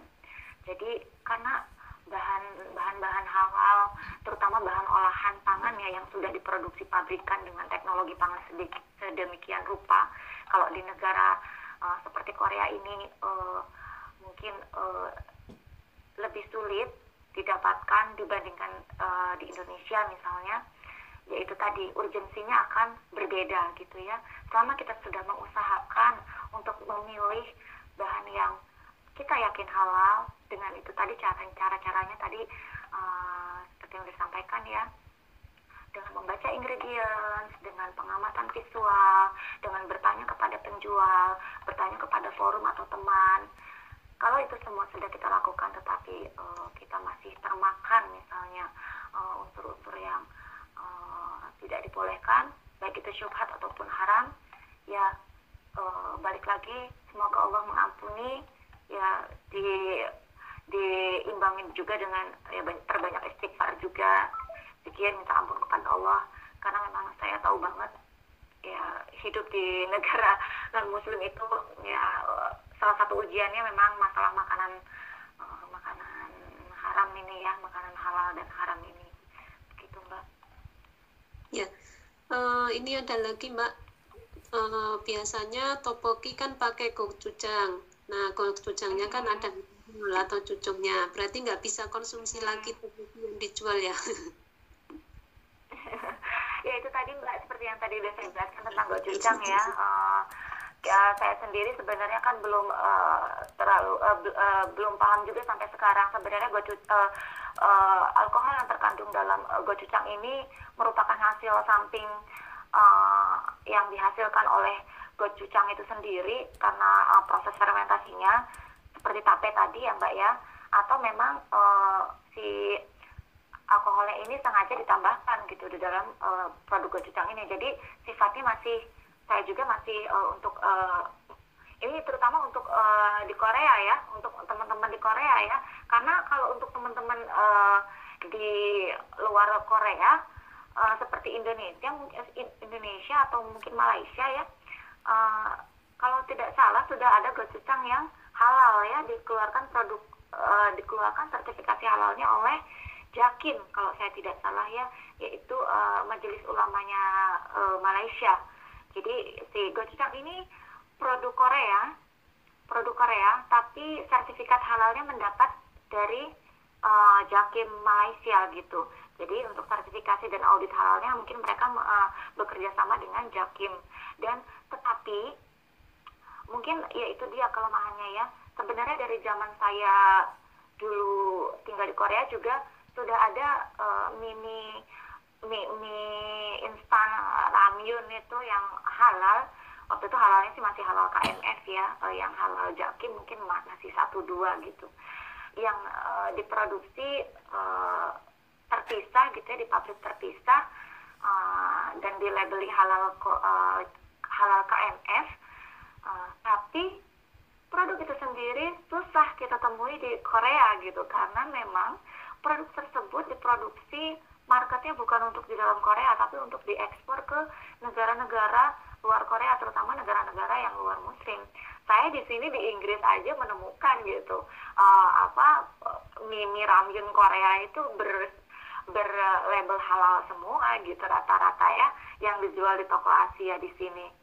Jadi uh, di Koreanya sendiri malah yang berlabel halal itu agak sulit, sulit didapatkan. Nah sama juga seperti gochujang ini jadi kalau saya dulu sih uh, biasanya kalau misalnya uh, beli uh, gochujang eh beli gochujang beli uh, tteokbokki hal pertama yang saya lihat itu pun saya jarang banget ya beli tteokbokki. Mungkin bisa kalau nggak terpaksa terpaksa banget lapar gitu ya di Korea. Karena biasanya saya kalau keluar suka sering kali uh, ini bawa uh, dosirak dari rumah bawa bekal dari rumah gitu ya. Jadi uh, sebenarnya yang perlu kita kritisi kalau membeli tteokbokki ini itu sebenarnya uh, apa utamanya itu ini apa uh, produk lain yang dijual bersama tteokbokkinya gitu biasanya di stall yang menjual tteokbokki itu dia ada yang menjual berbarengan dengan sundae ya hmm. sundae ini semacam sosis marus ya sosis marus seperti yang tadi Ustadz jelaskan marus itu kan terbuat dari darah yang mengalir kemudian ditam ditampung kemudian dibekukan menjadi produk seperti daging atau hati gitu. Dan darah mengalir yang uh, sengaja dikumpulkan itu sifatnya haram untuk dikonsumsi ya. Apalagi ini udah darah ha, darahnya haram dari babi pula kan. Double double haramnya gitu. Nah biasanya stall yang menjual tokpoki ini itu uh, banyak juga yang menjualnya berdam, uh, bersamaan dengan produk sunde yang menjual uh, uh, si marus uh, babi ini yang uh, semacam sosis tapi terbuat dari uh, darah babi ya. Nah biasanya uh, uh, utamakan hindari membeli tteokbokki yang dijual uh, bersamaan dengan si marus ini karena kontaminasinya lebih lebih lebih lebih tinggi ya dan uh, maksudnya kontaminasi akan uh, bahan haramnya lebih lebih lebih tinggi ketimbang yang uh, stall lain yang misalnya hanya menjual tteokbokki saja gitu. Itu pun dulu saya biasanya tokpok itu kan dijual bersamaan dengan odeng ya dengan dengan sup odeng itu. Nah itu biasanya dulu uh, teman saya pun ada yang mau, kalau membeli odeng pun dia suka uh, menanyakan gitu apakah kuahnya terbuat dari uh, kaldu dueci atau tidak gitu. Karena mungkin saja ada uh, odeng yang uh, kuahnya menggunakan uh, dueci gitu. Walaupun uh, memang sebenarnya kuah odeng itu uh, aslinya ya uh, biasanya dibuat uh, kuah kaldu seafood ya. Tapi uh, kata teman saya bisa jadi juga itu ada yang menggunakan uh, kaldu campuran nya jadi nggak masalah kita tanyakan apakah si kuahnya ini si yuksunya ini uh, mengandung uh, uh, apa dueci atau tidak gitu. Kalau untuk tokpokinya sendiri ya itu tadi uh, untuk si gochujangnya ini sendiri saya sampai detik ini belum belum tahu ya sebenarnya si jujongnya ini berasal dari mana gitu. Apakah uh, kasusnya sama seperti tape yang saya jelasin tadi atau dari alkohol lain yang memang ditambahkan ke dalam si gochujangnya gitu. Kalau teman-teman uh, alumni muslimah Korea yang sekarang sudah back for good ke Indonesia uh, biasanya kalau kangen masakan Korea dan butuh tteokbokki ya mereka pakai ini pakai tteokbokki yang sudah bersertifikat halal jakim itu yang sudah sekarang sudah ada produknya. Cuman kan kalau di Koreanya sendiri mungkin produk ini juga susah untuk dibeli uh, gitu ya. Karena mungkin tidak dipasarkan juga kali ya di Koreanya gitu. Karena emang pasarnya untuk dipasarkan di luar Korea seperti itu mbak ini ya uh, ini ada lagi mbak dari Mbak Bella. Okay. Saya baca di Google ingredient kakwa, snack berasa beras manis yang lonjong-lonjong itu bahan pembuatannya ada magolinya. Itu bagaimana ya Mbak? Hmm. Magoli Makoli. Makoli itu uh, ini sejenis anggur beras, Mbak. Ah. Dan uh, kadar alkoholnya jauh lebih tinggi dari uh, bir. Bir Korea tuh apa? Lupa saya. Makoli. bir di Soju. Korea tuh apa disebutnya? Soju soju. Siap apa namanya? Soju. ah soju. Soju. maaf. Iya iya soju. Nah iya soju ya. Bir Korea ini soju. Nah makoli ini eh, mengandung kadar alkohol yang jauh lebih tinggi dari soju. Gitu. Jadi termasuknya hammer jadi sebaiknya kalau misalnya sudah eh, dibaca ingredientsnya memang ada kandungan makolinya sebaiknya dihindari saja. Karena eh, soju saja sudah sudah sudah sudah di sudah haram ya karena soju itu kan ha- hammer ya. Nah si makoli ini tingkatan tingkatannya lebih tinggi di atas soju gitu karena mengandung eh, kadar alkohol yang jauh lebih tinggi dari soju.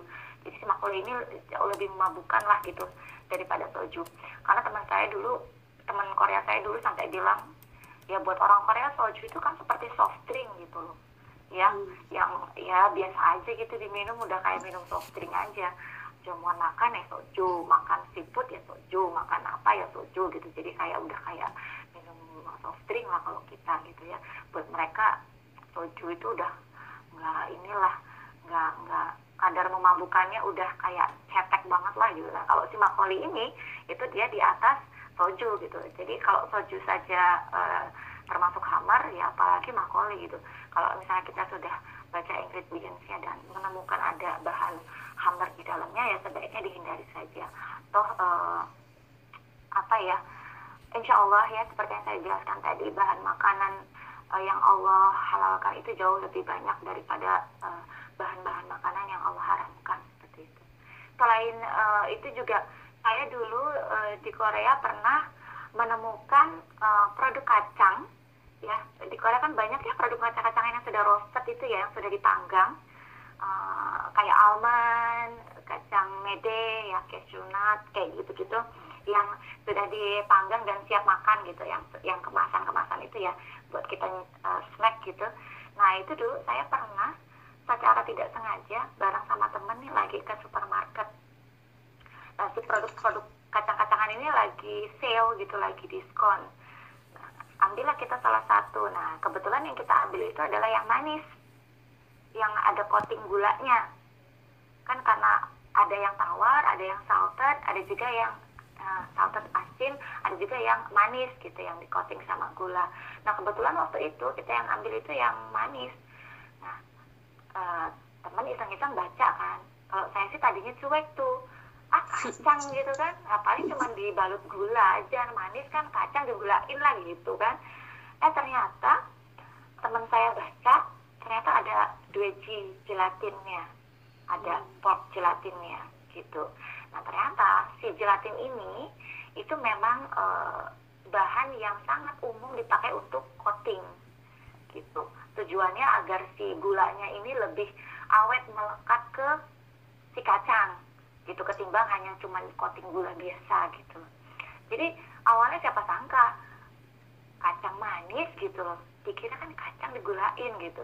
Kalau misalnya nggak iseng-iseng baca sih mungkin udah kita beli bayar ke kasir gitu kan enak makan kacang almond manis gitu. Ternyata ya alhamdulillah gitu masih dilindungi sama Allah eh, iseng-iseng baca ingredientsnya walaupun tulisannya cuili-cuili ya kecil-kecil banget kan kadang yang bikin mata makin minus dan jidat berkerunyut-kerunyut gitu kan udah tulisannya hangul kecil-kecil pula gitu kan. Ya ternyata itu mbak ada kandungan gelatinnya gitu ya. Saya sama sekali tidak menyangka awalnya gitu. Jadi ya kalau sudah gitu ya pilih dikembalikan saja lagi ke raknya gitu. Toh beli yang lain juga masih banyak gitu. Yes. Eh, ini ada lagi Mbak dari Mbak Dia. Eh, kalau ijabuman yang tidak boleh, tapi ada label hasapnya. Menurut Mbak Rike bagaimana? Kabarnya kalau hasap itu menjamin produk tersebut no cross, cross contamination.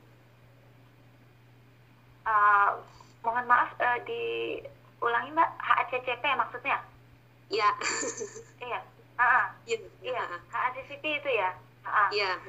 Eh, oh gini, jadi sebenarnya kalau HACCP itu eh, bukan kontaminan zat haram, tapi kontaminan zat berbahaya atau poisoning ingredients gitu ya, atau zat yang membahayakan atau beracun lah istilahnya ya. Jadi kalau uh, memang kalau di negara-negara maju, termasuk di sini juga tempat saya tinggal, itu sebagian besar mayoritas produk itu memang uh, yang dipasarkan apalagi produk pabrikan itu mencantumkan kalau sudah HACCP certified gitu ya sudah uh, tersertifikasi uh, uh, HACCP. Nah HACCP ini uh, itu untuk meyakinkan bahwa si produk tersebut tidak uh, mau uh, si produk tersebut dan juga uh, pabriknya sudah menerapkan uh, sistem produksi yang uh, tidak menggunakan bahan-bahan berbahaya dan proses-proses uh, yang bisa membahayakan produk akhir. Jadi bukan kontaminan dari adanya bahan halal ataupun tidak. Jadi HACCP itu tidak bisa menjadikan sebuah produk uh, tidak bisa kita jadikan acuan sebuah produk itu halal atau haram kita konsumsi. Tapi jadi acuan untuk uh, aman atau tidak kita konsumsi. Istilahnya seperti itulah Mbak. Uh, ini ada lagi Mbak. Makanan yang tadi yang mengandung cucung itu kalau dimasak alkoholnya kan akan menguap. Nah itu bagaimana? Kalau sudah menguap kan tidak apa-apa gitu. Itu gimana Mbak? Iya. Uh, jadi kembali lagi Mbak. Uh, apa uh, tadi yang di awal saya uh, apa saya sebutkan uh, itu kan poin-poin poin-poin uh, yang menyebabkan suatu bahan menjadi haram itu ada beberapa poin tadinya ya. Nah dan yang uh, salah satu poinnya itu adalah terkontaminasi bahan yang haram. Gitu. Jadi uh, misalnya uh, kita uh, ada suatu bahan makanan itu dibuat misalnya uh, si chefnya menggunakan wine gitu ya dalam memasaknya gitu.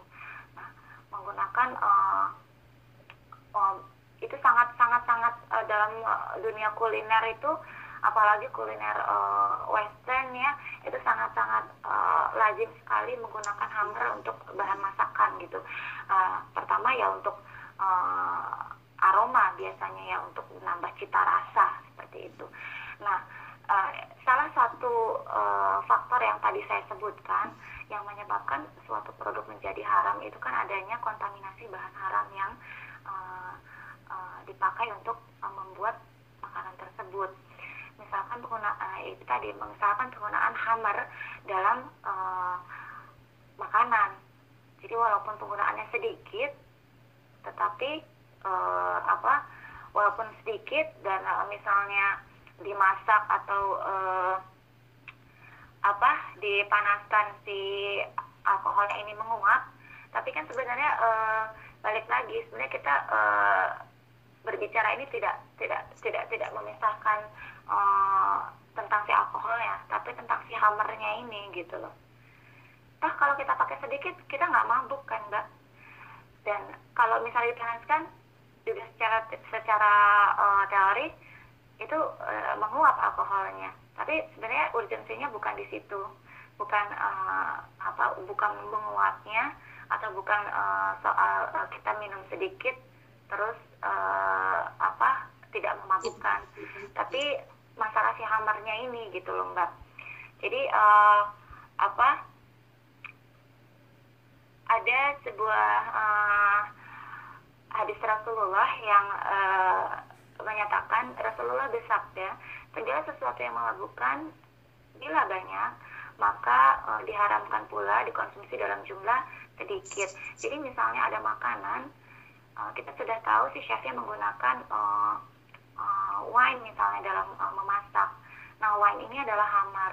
Hamar ini jika kita konsumsi dalam jumlah banyak itu memabukkan. Jadi walaupun si chefnya hanya memakai sesendok dua sendok, tetap si makanan itu jadi haram karena segala sesuatu yang memabukkan dalam jumlah banyak bila digunakan dalam jumlah sedikit pun jatuhnya hukumnya menjadi haram. Jadi sebenarnya bukan bukan karena alkoholnya e, menguap atau kita konsumsi dalam jumlah sedikit e, tidak memabukkan seperti itu, tapi karena e, karena si hamarnya ini terutama urgensinya gitu mbak. Ya. Mungkin ini ya Mbak Rike ya eh, apa perlu dijelaskan kembali begitu kan kalau di istilah agama kan yang diharamkan itu kan istilah homernya ya bukan alkoholnya gitu ya Iya, karena kalau di istilah uh, sains kan alkohol itu bisa macam-macam gitu. Maksudnya kalau secara kimianya bisa metanol, bisa etanol, begitu kan ya? Mhm. Ya, jadi kalau Nah, misalnya ya, alkoholnya ini, Mhm, iya mbak. ya, monggo Iya, monggo, silakan. Mbak. Monggo. Iya betul sekali yang Mbak bilang. Jadi memang eh, kalau dalam eh, ilmu kimia alkohol itu kan sebenarnya hanya istilah ya, istilah gitu. Sedangkan eh, apa eh, ini ya, jenisnya sendiri itu sangat banyak gitu. Ada metil alkohol, ada butil alkohol, ada etil alkohol dan jenis-jenis alkohol lainnya. Nah, yang kita maksud di sini adalah etil alkohol atau yang biasa disebut etanol. Itu. Jadi yang menjadi acuan eh, yang menjadi acuan eh, eh, bahan itu hamar atau tidak atau eh, menjadi acuan eh, apa eh, menjadi haram atau tidak itu adalah kandungan etil alkohol atau biasa disebut etanol.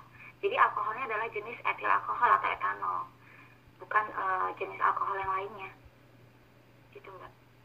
Ya, mungkin itu tadi eh, sudah dijelaskan begitu ya. Jadi karena homer sifat homernya ya. Jadi bukan karena istilahnya Betul, eh, ya tadi alkohol atau Alkoholnya, iya betul mbak.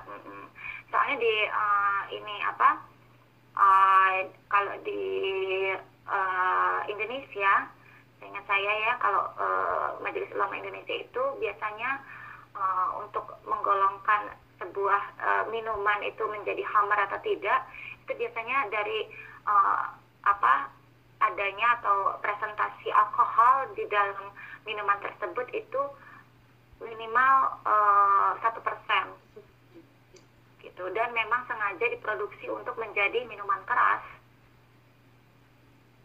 Ya. air tape yang tadi Mbak Dini bilang sengaja dipisahkan dari tapenya gitu kan di di di, di diperas kemudian dikumpulkan dan si air tape ini memang sengaja di di di eh, digunakan untuk min- jadi minuman keras gitu itu menjadi haram gitu sedangkan si tapenya ini sendiri eh, karena memang eh, kita produksi untuk dijadikan makanan dan tapenya sendiri tidak memabukkan belum ada kasus yang makan tape mabuk gitu kan jadi tapenya sendiri halal tapi ketika tapenya si airnya ini dipisahkan dengan sengaja kemudian dijadikan minuman keras yang bersifat hamar maka itu menjadi haram jadi memang bukan alkoholnya gitu mbak karena kalau alkoholnya sendiri bahasannya akan sangat luas lagi seperti yang tadi saya bilang kan buah-buahan buah-buahan aja secara alami mengandung uh, kadar alkohol di dalamnya gitu.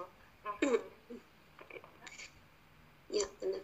Kan karena eh, kalau kita berbicara tentang apalagi ini ya kalau farmasi dunia farmasi atau kesehatan kan juga menggunakan alkohol begitu ya terutama Iya. eh, apa namanya etanol gitu ya biasanya kan untuk pelarut begitu untuk ekstraksi kan Iya, Eh, mereka pelarut, kemudian membersihkan apa eh, desinfektan untuk membersihkan luka seperti itu.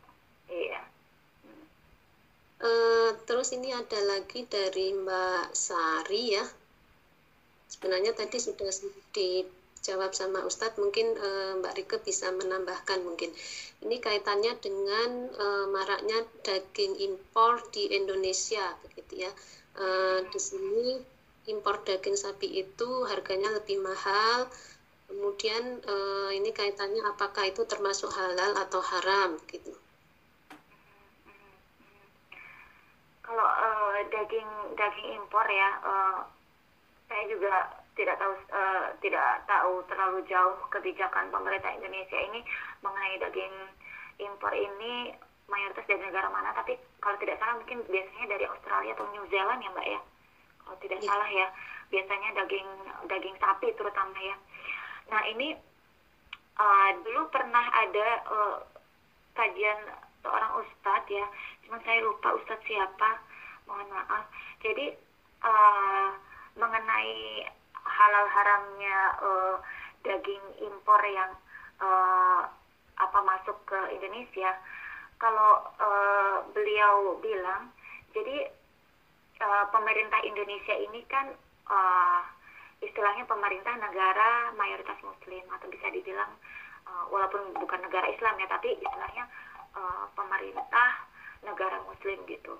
Dan uh, pemerintah ini melakukan impor daging dari uh, negara lain masuk ke Indonesia seharusnya memang pemerintah ini uh, apa sudah memikirkan kebijakan-kebijakan bagaimana regulasinya bagaimana uh, tentang uh, keyakinan bahwa si daging yang uh, diimpor oleh pemerintah ini uh, termasuk daging halal atau tidak seperti itu. Jadi sebenarnya kalau misalnya kita termasuk uh, istilahnya apa ya, ya termasuk uh, warga negara gitu, seharusnya kan kita memang percaya kepada ulil amri ya, kepada pemimpin negara kita gitu, bahwa uh, daging yang masuk ke Indonesia ini uh, insya Allah pemerintah sudah memastikan bahwa si daging ini aman dikonsumsi untuk uh, masyarakat Indonesia yang mayoritas Muslim.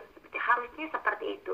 Cuman saya pribadi uh, kurang paham juga ini sampai maksudnya regulasinya sampai sejauh mana uh, terkait kehalalan kehalalan daging uh, daging impor yang uh, uh, di, masuk ke Indonesia ini yang diimpor oleh pemerintah ini. Nah di di Australia sendiri itu um, daging halal itu udah suatu hal yang common ya, familiar lah istilahnya gitu ya. Karena di sana juga uh, banyak um, apa uh, banyak uh, istilahnya apa ya rumah potong, rumah potong uh, hewan yang uh, sudah bersertifikasi halal gitu. Tapi ya tidak semua daging yang dijual di uh, negara Australia sendiri itu halal toh teman-teman yang di Australia sendiri kalau mau beli daging halal ya tetap ke uh, butcher halal gitu ke tukang daging yang uh, menjual daging halal yang tersertifikasi halal. Nah um, lembaga halal di Australia juga ada uh, beberapa yang sudah uh, bekerja sama atau diakui oleh pemerintah Indonesia dalam hal ini Majelis Ulama Indonesia ya. Jadi uh, Australia itu kan punya lembaga halal kayak kalau di Indonesia kan LP, MUI gitu ya.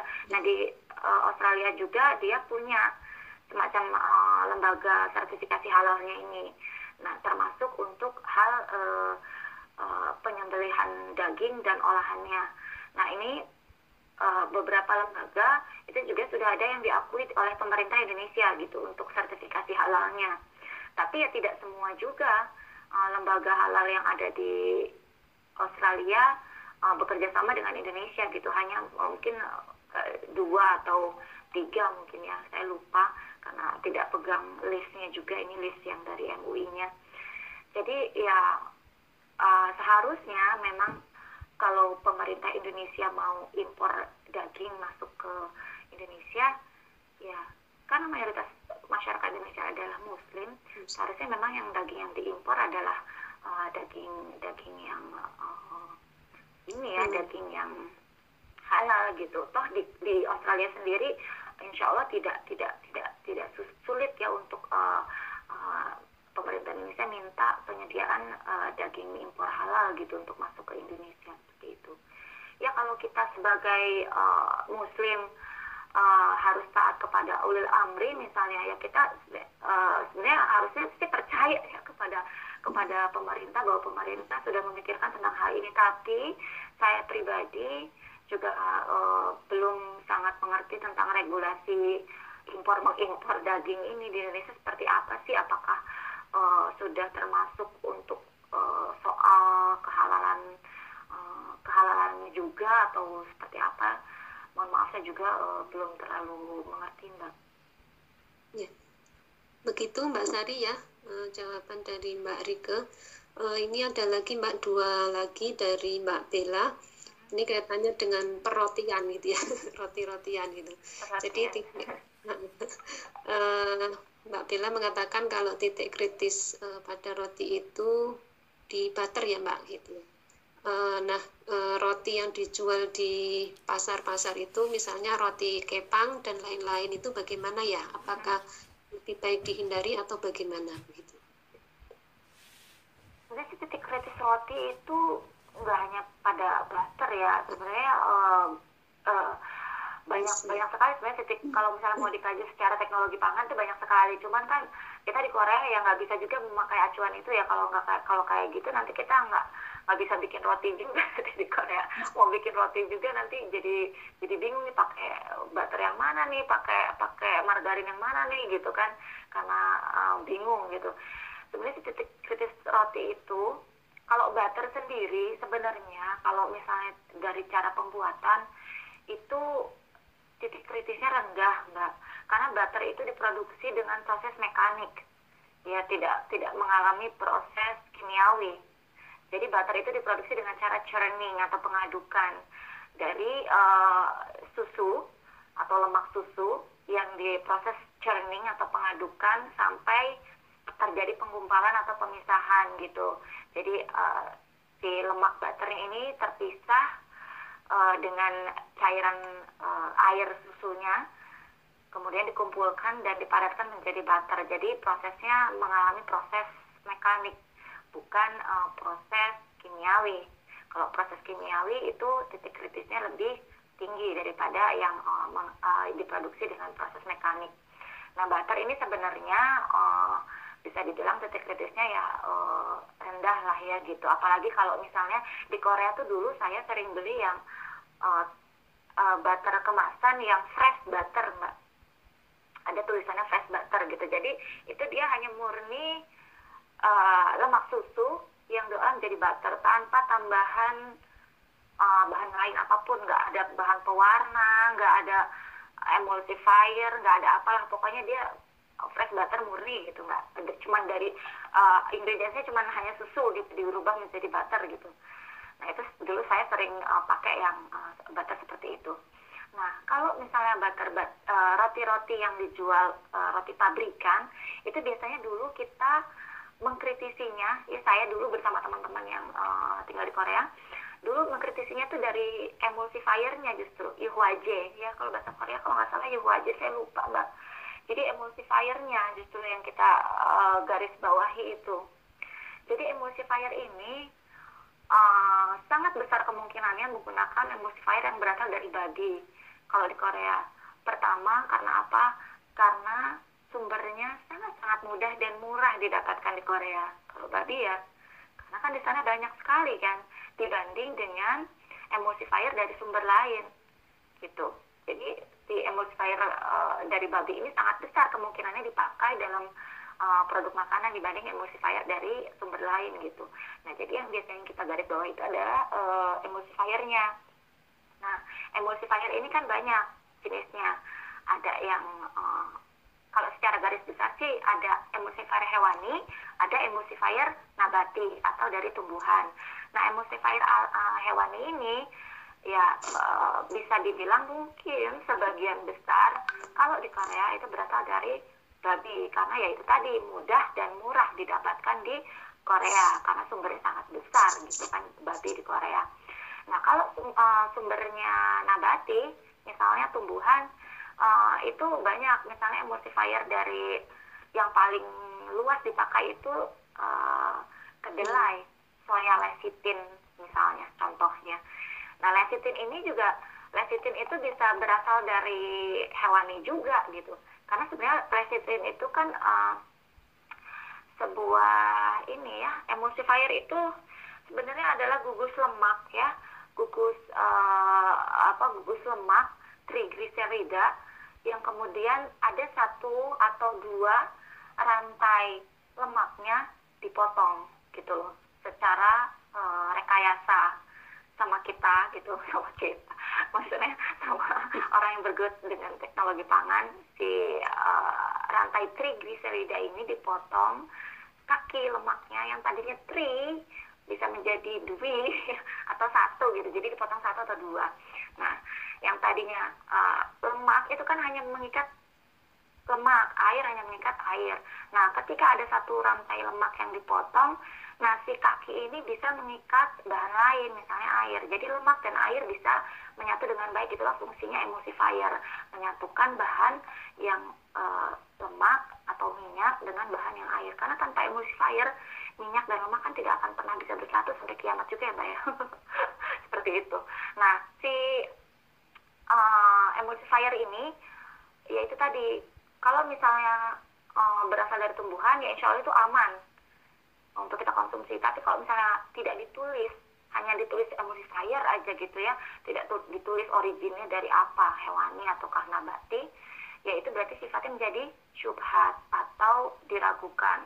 Nah uh, uh, saran kita sebagai muslim kalau misalnya ada yang uh, meragukan kan sebaiknya ditinggalkan. Walaupun kita belum tahu nih itu sebenarnya halal atau haram. Tapi kalau kita ragu-ragu ya hati kita nggak yakin ya sebaiknya ditinggalkan saja jadi kalau produk roti kalau produk roti kepang itu kalau saya lihat sih um, apa ya kalau misalnya si uh, penjualnya itu tidak uh, menjual dengan produk lain gitu dia hanya menjual roti goreng aja misalnya insya Allah sih aman ya. Karena saya lihat juga di bahan-bahan pembuatannya insya Allah nggak ada yang neko-neko. Dan biasanya kalau misalnya yang dijual oleh uh, personal ya bukan buatan pabrikan kayaknya sih uh, itu jarang sekali menggunakan emulsifier seperti produk-produk uh, roti pabrikan atau bakery. Biasanya kalau ya orang-orang produksi yang cuma dibikin homemade sama dia sendiri itu biasanya pakai bahannya nggak terlalu neko-neko. Jadi kalau misalnya kita beli roti kepang biasanya yang perlu dikritisi ya itu tadi. Dia jualan uh, makanan lain nggak yang digorengnya barengan juga sama si minyak yang menggoreng buat goreng roti ini. Kalau dia cuma jual roti goreng itu doang sih insya Allah nggak apa-apa. Kayak uh, dulu di itu ada tuh waktu saya uh, pernah waktu di Seoul. Jadi dia jual roti goreng juga roti roti kepang goreng juga jual aduh apa sih namanya ya yang uh, roti goreng yang pipih itu loh. Apa ya roti yang pipih itu apa ya di Korea ya namanya ya? Aduh saya lupa ya itulah pokoknya. Nah itu uh, ternyata bukan? Apa namanya mbak?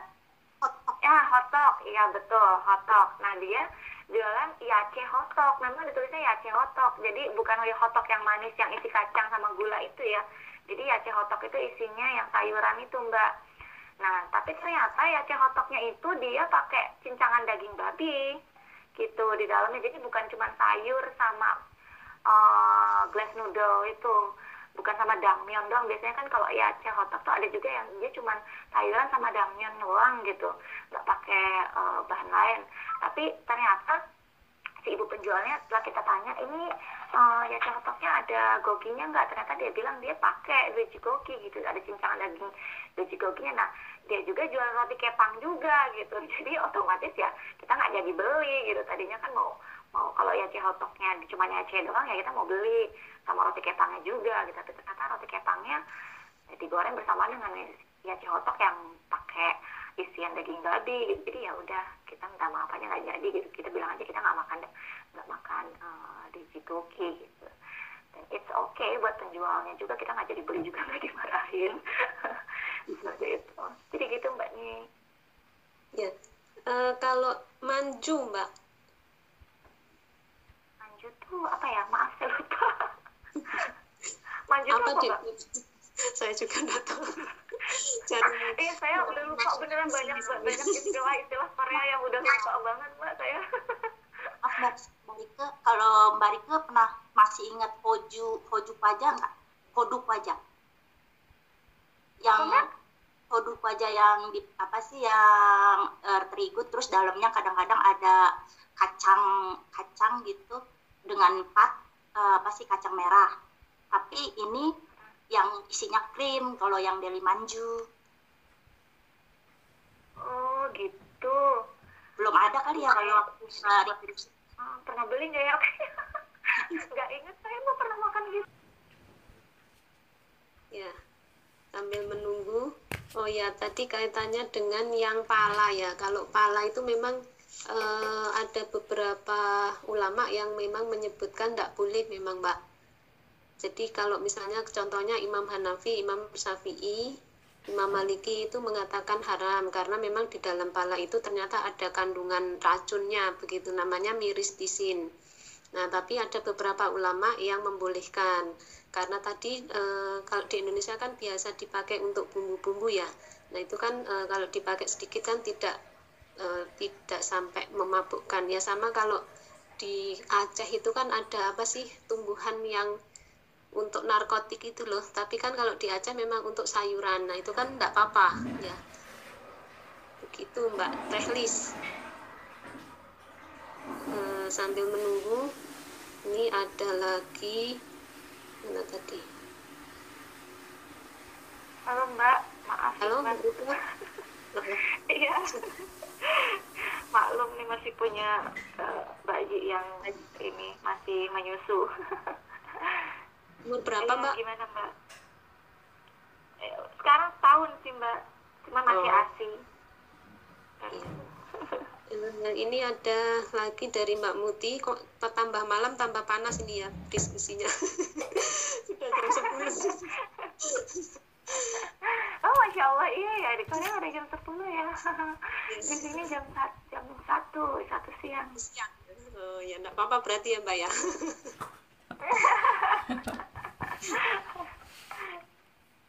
Ini dari Mbak Muti. Paling nanti saya ini aja apa uh, pamit uh, pamit ini aja apa sholat duhur ya Mbak. Karena oh, iya. asarnya lebih cepat. Baik. Uh, emulsifier nih katanya dengan emulsifier itu biasanya ada di mana saja begitu selain di es krim. emulsifier ya itu tadi uh, sebenarnya emulsifier itu sangat sangat luas penggunaannya hampir bahan makanan pabrikan yang diolah itu biasanya menggunakan emulsifier baik makanan maupun minuman jadi emulsifier itu pertama fungsinya adalah memang untuk menjadikan uh, uh, campur uh, bahan makanan yang ingredientsnya mengandung bahan lemak dan bahan air itu bisa uh, menyatu dengan baik. Makanya sering kali emulsifier ini dipakai di produk-produk olahan makanan karena memang menjadi sangat penting untuk menjaga kestabilitas uh, kestabilis uh, stabilisasi ya stabilisasi uh, produk akhir gitu. Jadi nggak uh, cuma es krim jadi produk seperti roti cake kemudian um, uh, produk-produk kering seperti wafer terus banyak sih sebenarnya ya ya pokoknya makanan-makanan olahan. Kemudian dalam minuman iya dalam minuman juga biasanya uh, digunakan emulsifier yang sifatnya untuk um, uh, menstabilkan meng, apa menjadikan minuman tersebut menjadi lebih homogen. Jadi nggak nggak gampang terpisah antara uh, apa bahan padatnya dengan uh, bahan airnya gitu. Misalnya kita um, si apa si minumannya ini menggunakan uh, jus apel misalnya. Kalau misalnya jus apel biasa lalu uh, cuman uh, dibikin jus apel begitu saja gitu seperti kita bikin jus apel di rumah coba jus apel uh, kita diamkan. Pasti dia mengendap terpisah antara uh, si bahan uh, bahan padatnya ini ya si apa kalau di itu tuh pulp gitu ya si pulpnya ini si endapannya ini dengan uh, jusnya gitu. Nah biasanya kalau di pabrik itu akan ditambahkan emulsifier uh, yang sifatnya untuk menstabilkan si jus agar tidak mudah memisah. Nah kalau di, di produk olahan makanan ya itu tadi biasanya digunakan untuk uh, bahan makanan yang mengandung kadar lemak dan air di dalam ingredientsnya. Jadi uh, tapi hampir semua produk makanan itu dia mencantumkan pakai emulsifier atau enggak karena itu sangat urgent sekali untuk dicantumkan. Nah tapi tidak semua produsen mencantumkan emulsifier dari apa gitu. Ya mungkin uh, insya Allah uh, semuanya sudah jelas ya. Jadi pada prinsipnya uh, tadi memang harus kita mem perlu kehati-hatian begitu ya. Dan kalau misalnya uh, kalau prinsipnya kan kalau uh, hukum halal haram itu kan jelas ya. Yang halal yang halal itu jelas kemudian yang haram itu jelas. Dan di tengah-tengah itu ada istilah subhat begitu. Jadi barang yang tidak jelas ya yang masih uh, ada keraguan-raguan nah ketika kita masih ada keraguan-raguan itu maka tinggalkanlah begitu ya. Jadi kalau di uh, hadisnya kan disampaikan begitu. Dan itu ketika kita meninggalkan yang subhat itu maka itu akan menjaga kehormatan kita dan agama kita.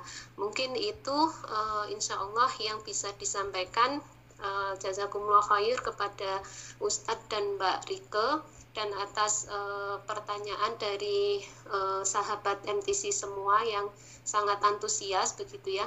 Uh, memang kalau di Korea ini memang ketika kita tidak tahu sesuatu itu gitu ya eh, lebih baik kita tinggalkan. Kalau misalnya memang ada yang perlu disampaikan atau ditanyakan untuk kejelasannya eh, bisa ditanyakan ke orang yang eh, sudah lama di Korea begitu ya. Tapi kalau apa untuk menjaga gitu ya lebih baik kita menghindari saja begitu kalau tidak kita ketahui tentang kejelasan dari uh, hukum makanan tersebut begitu. Karena itu akan lebih uh, menenteramkan hati kita dan juga uh, tadi ya menjaga kehormatan dan uh, agama kita.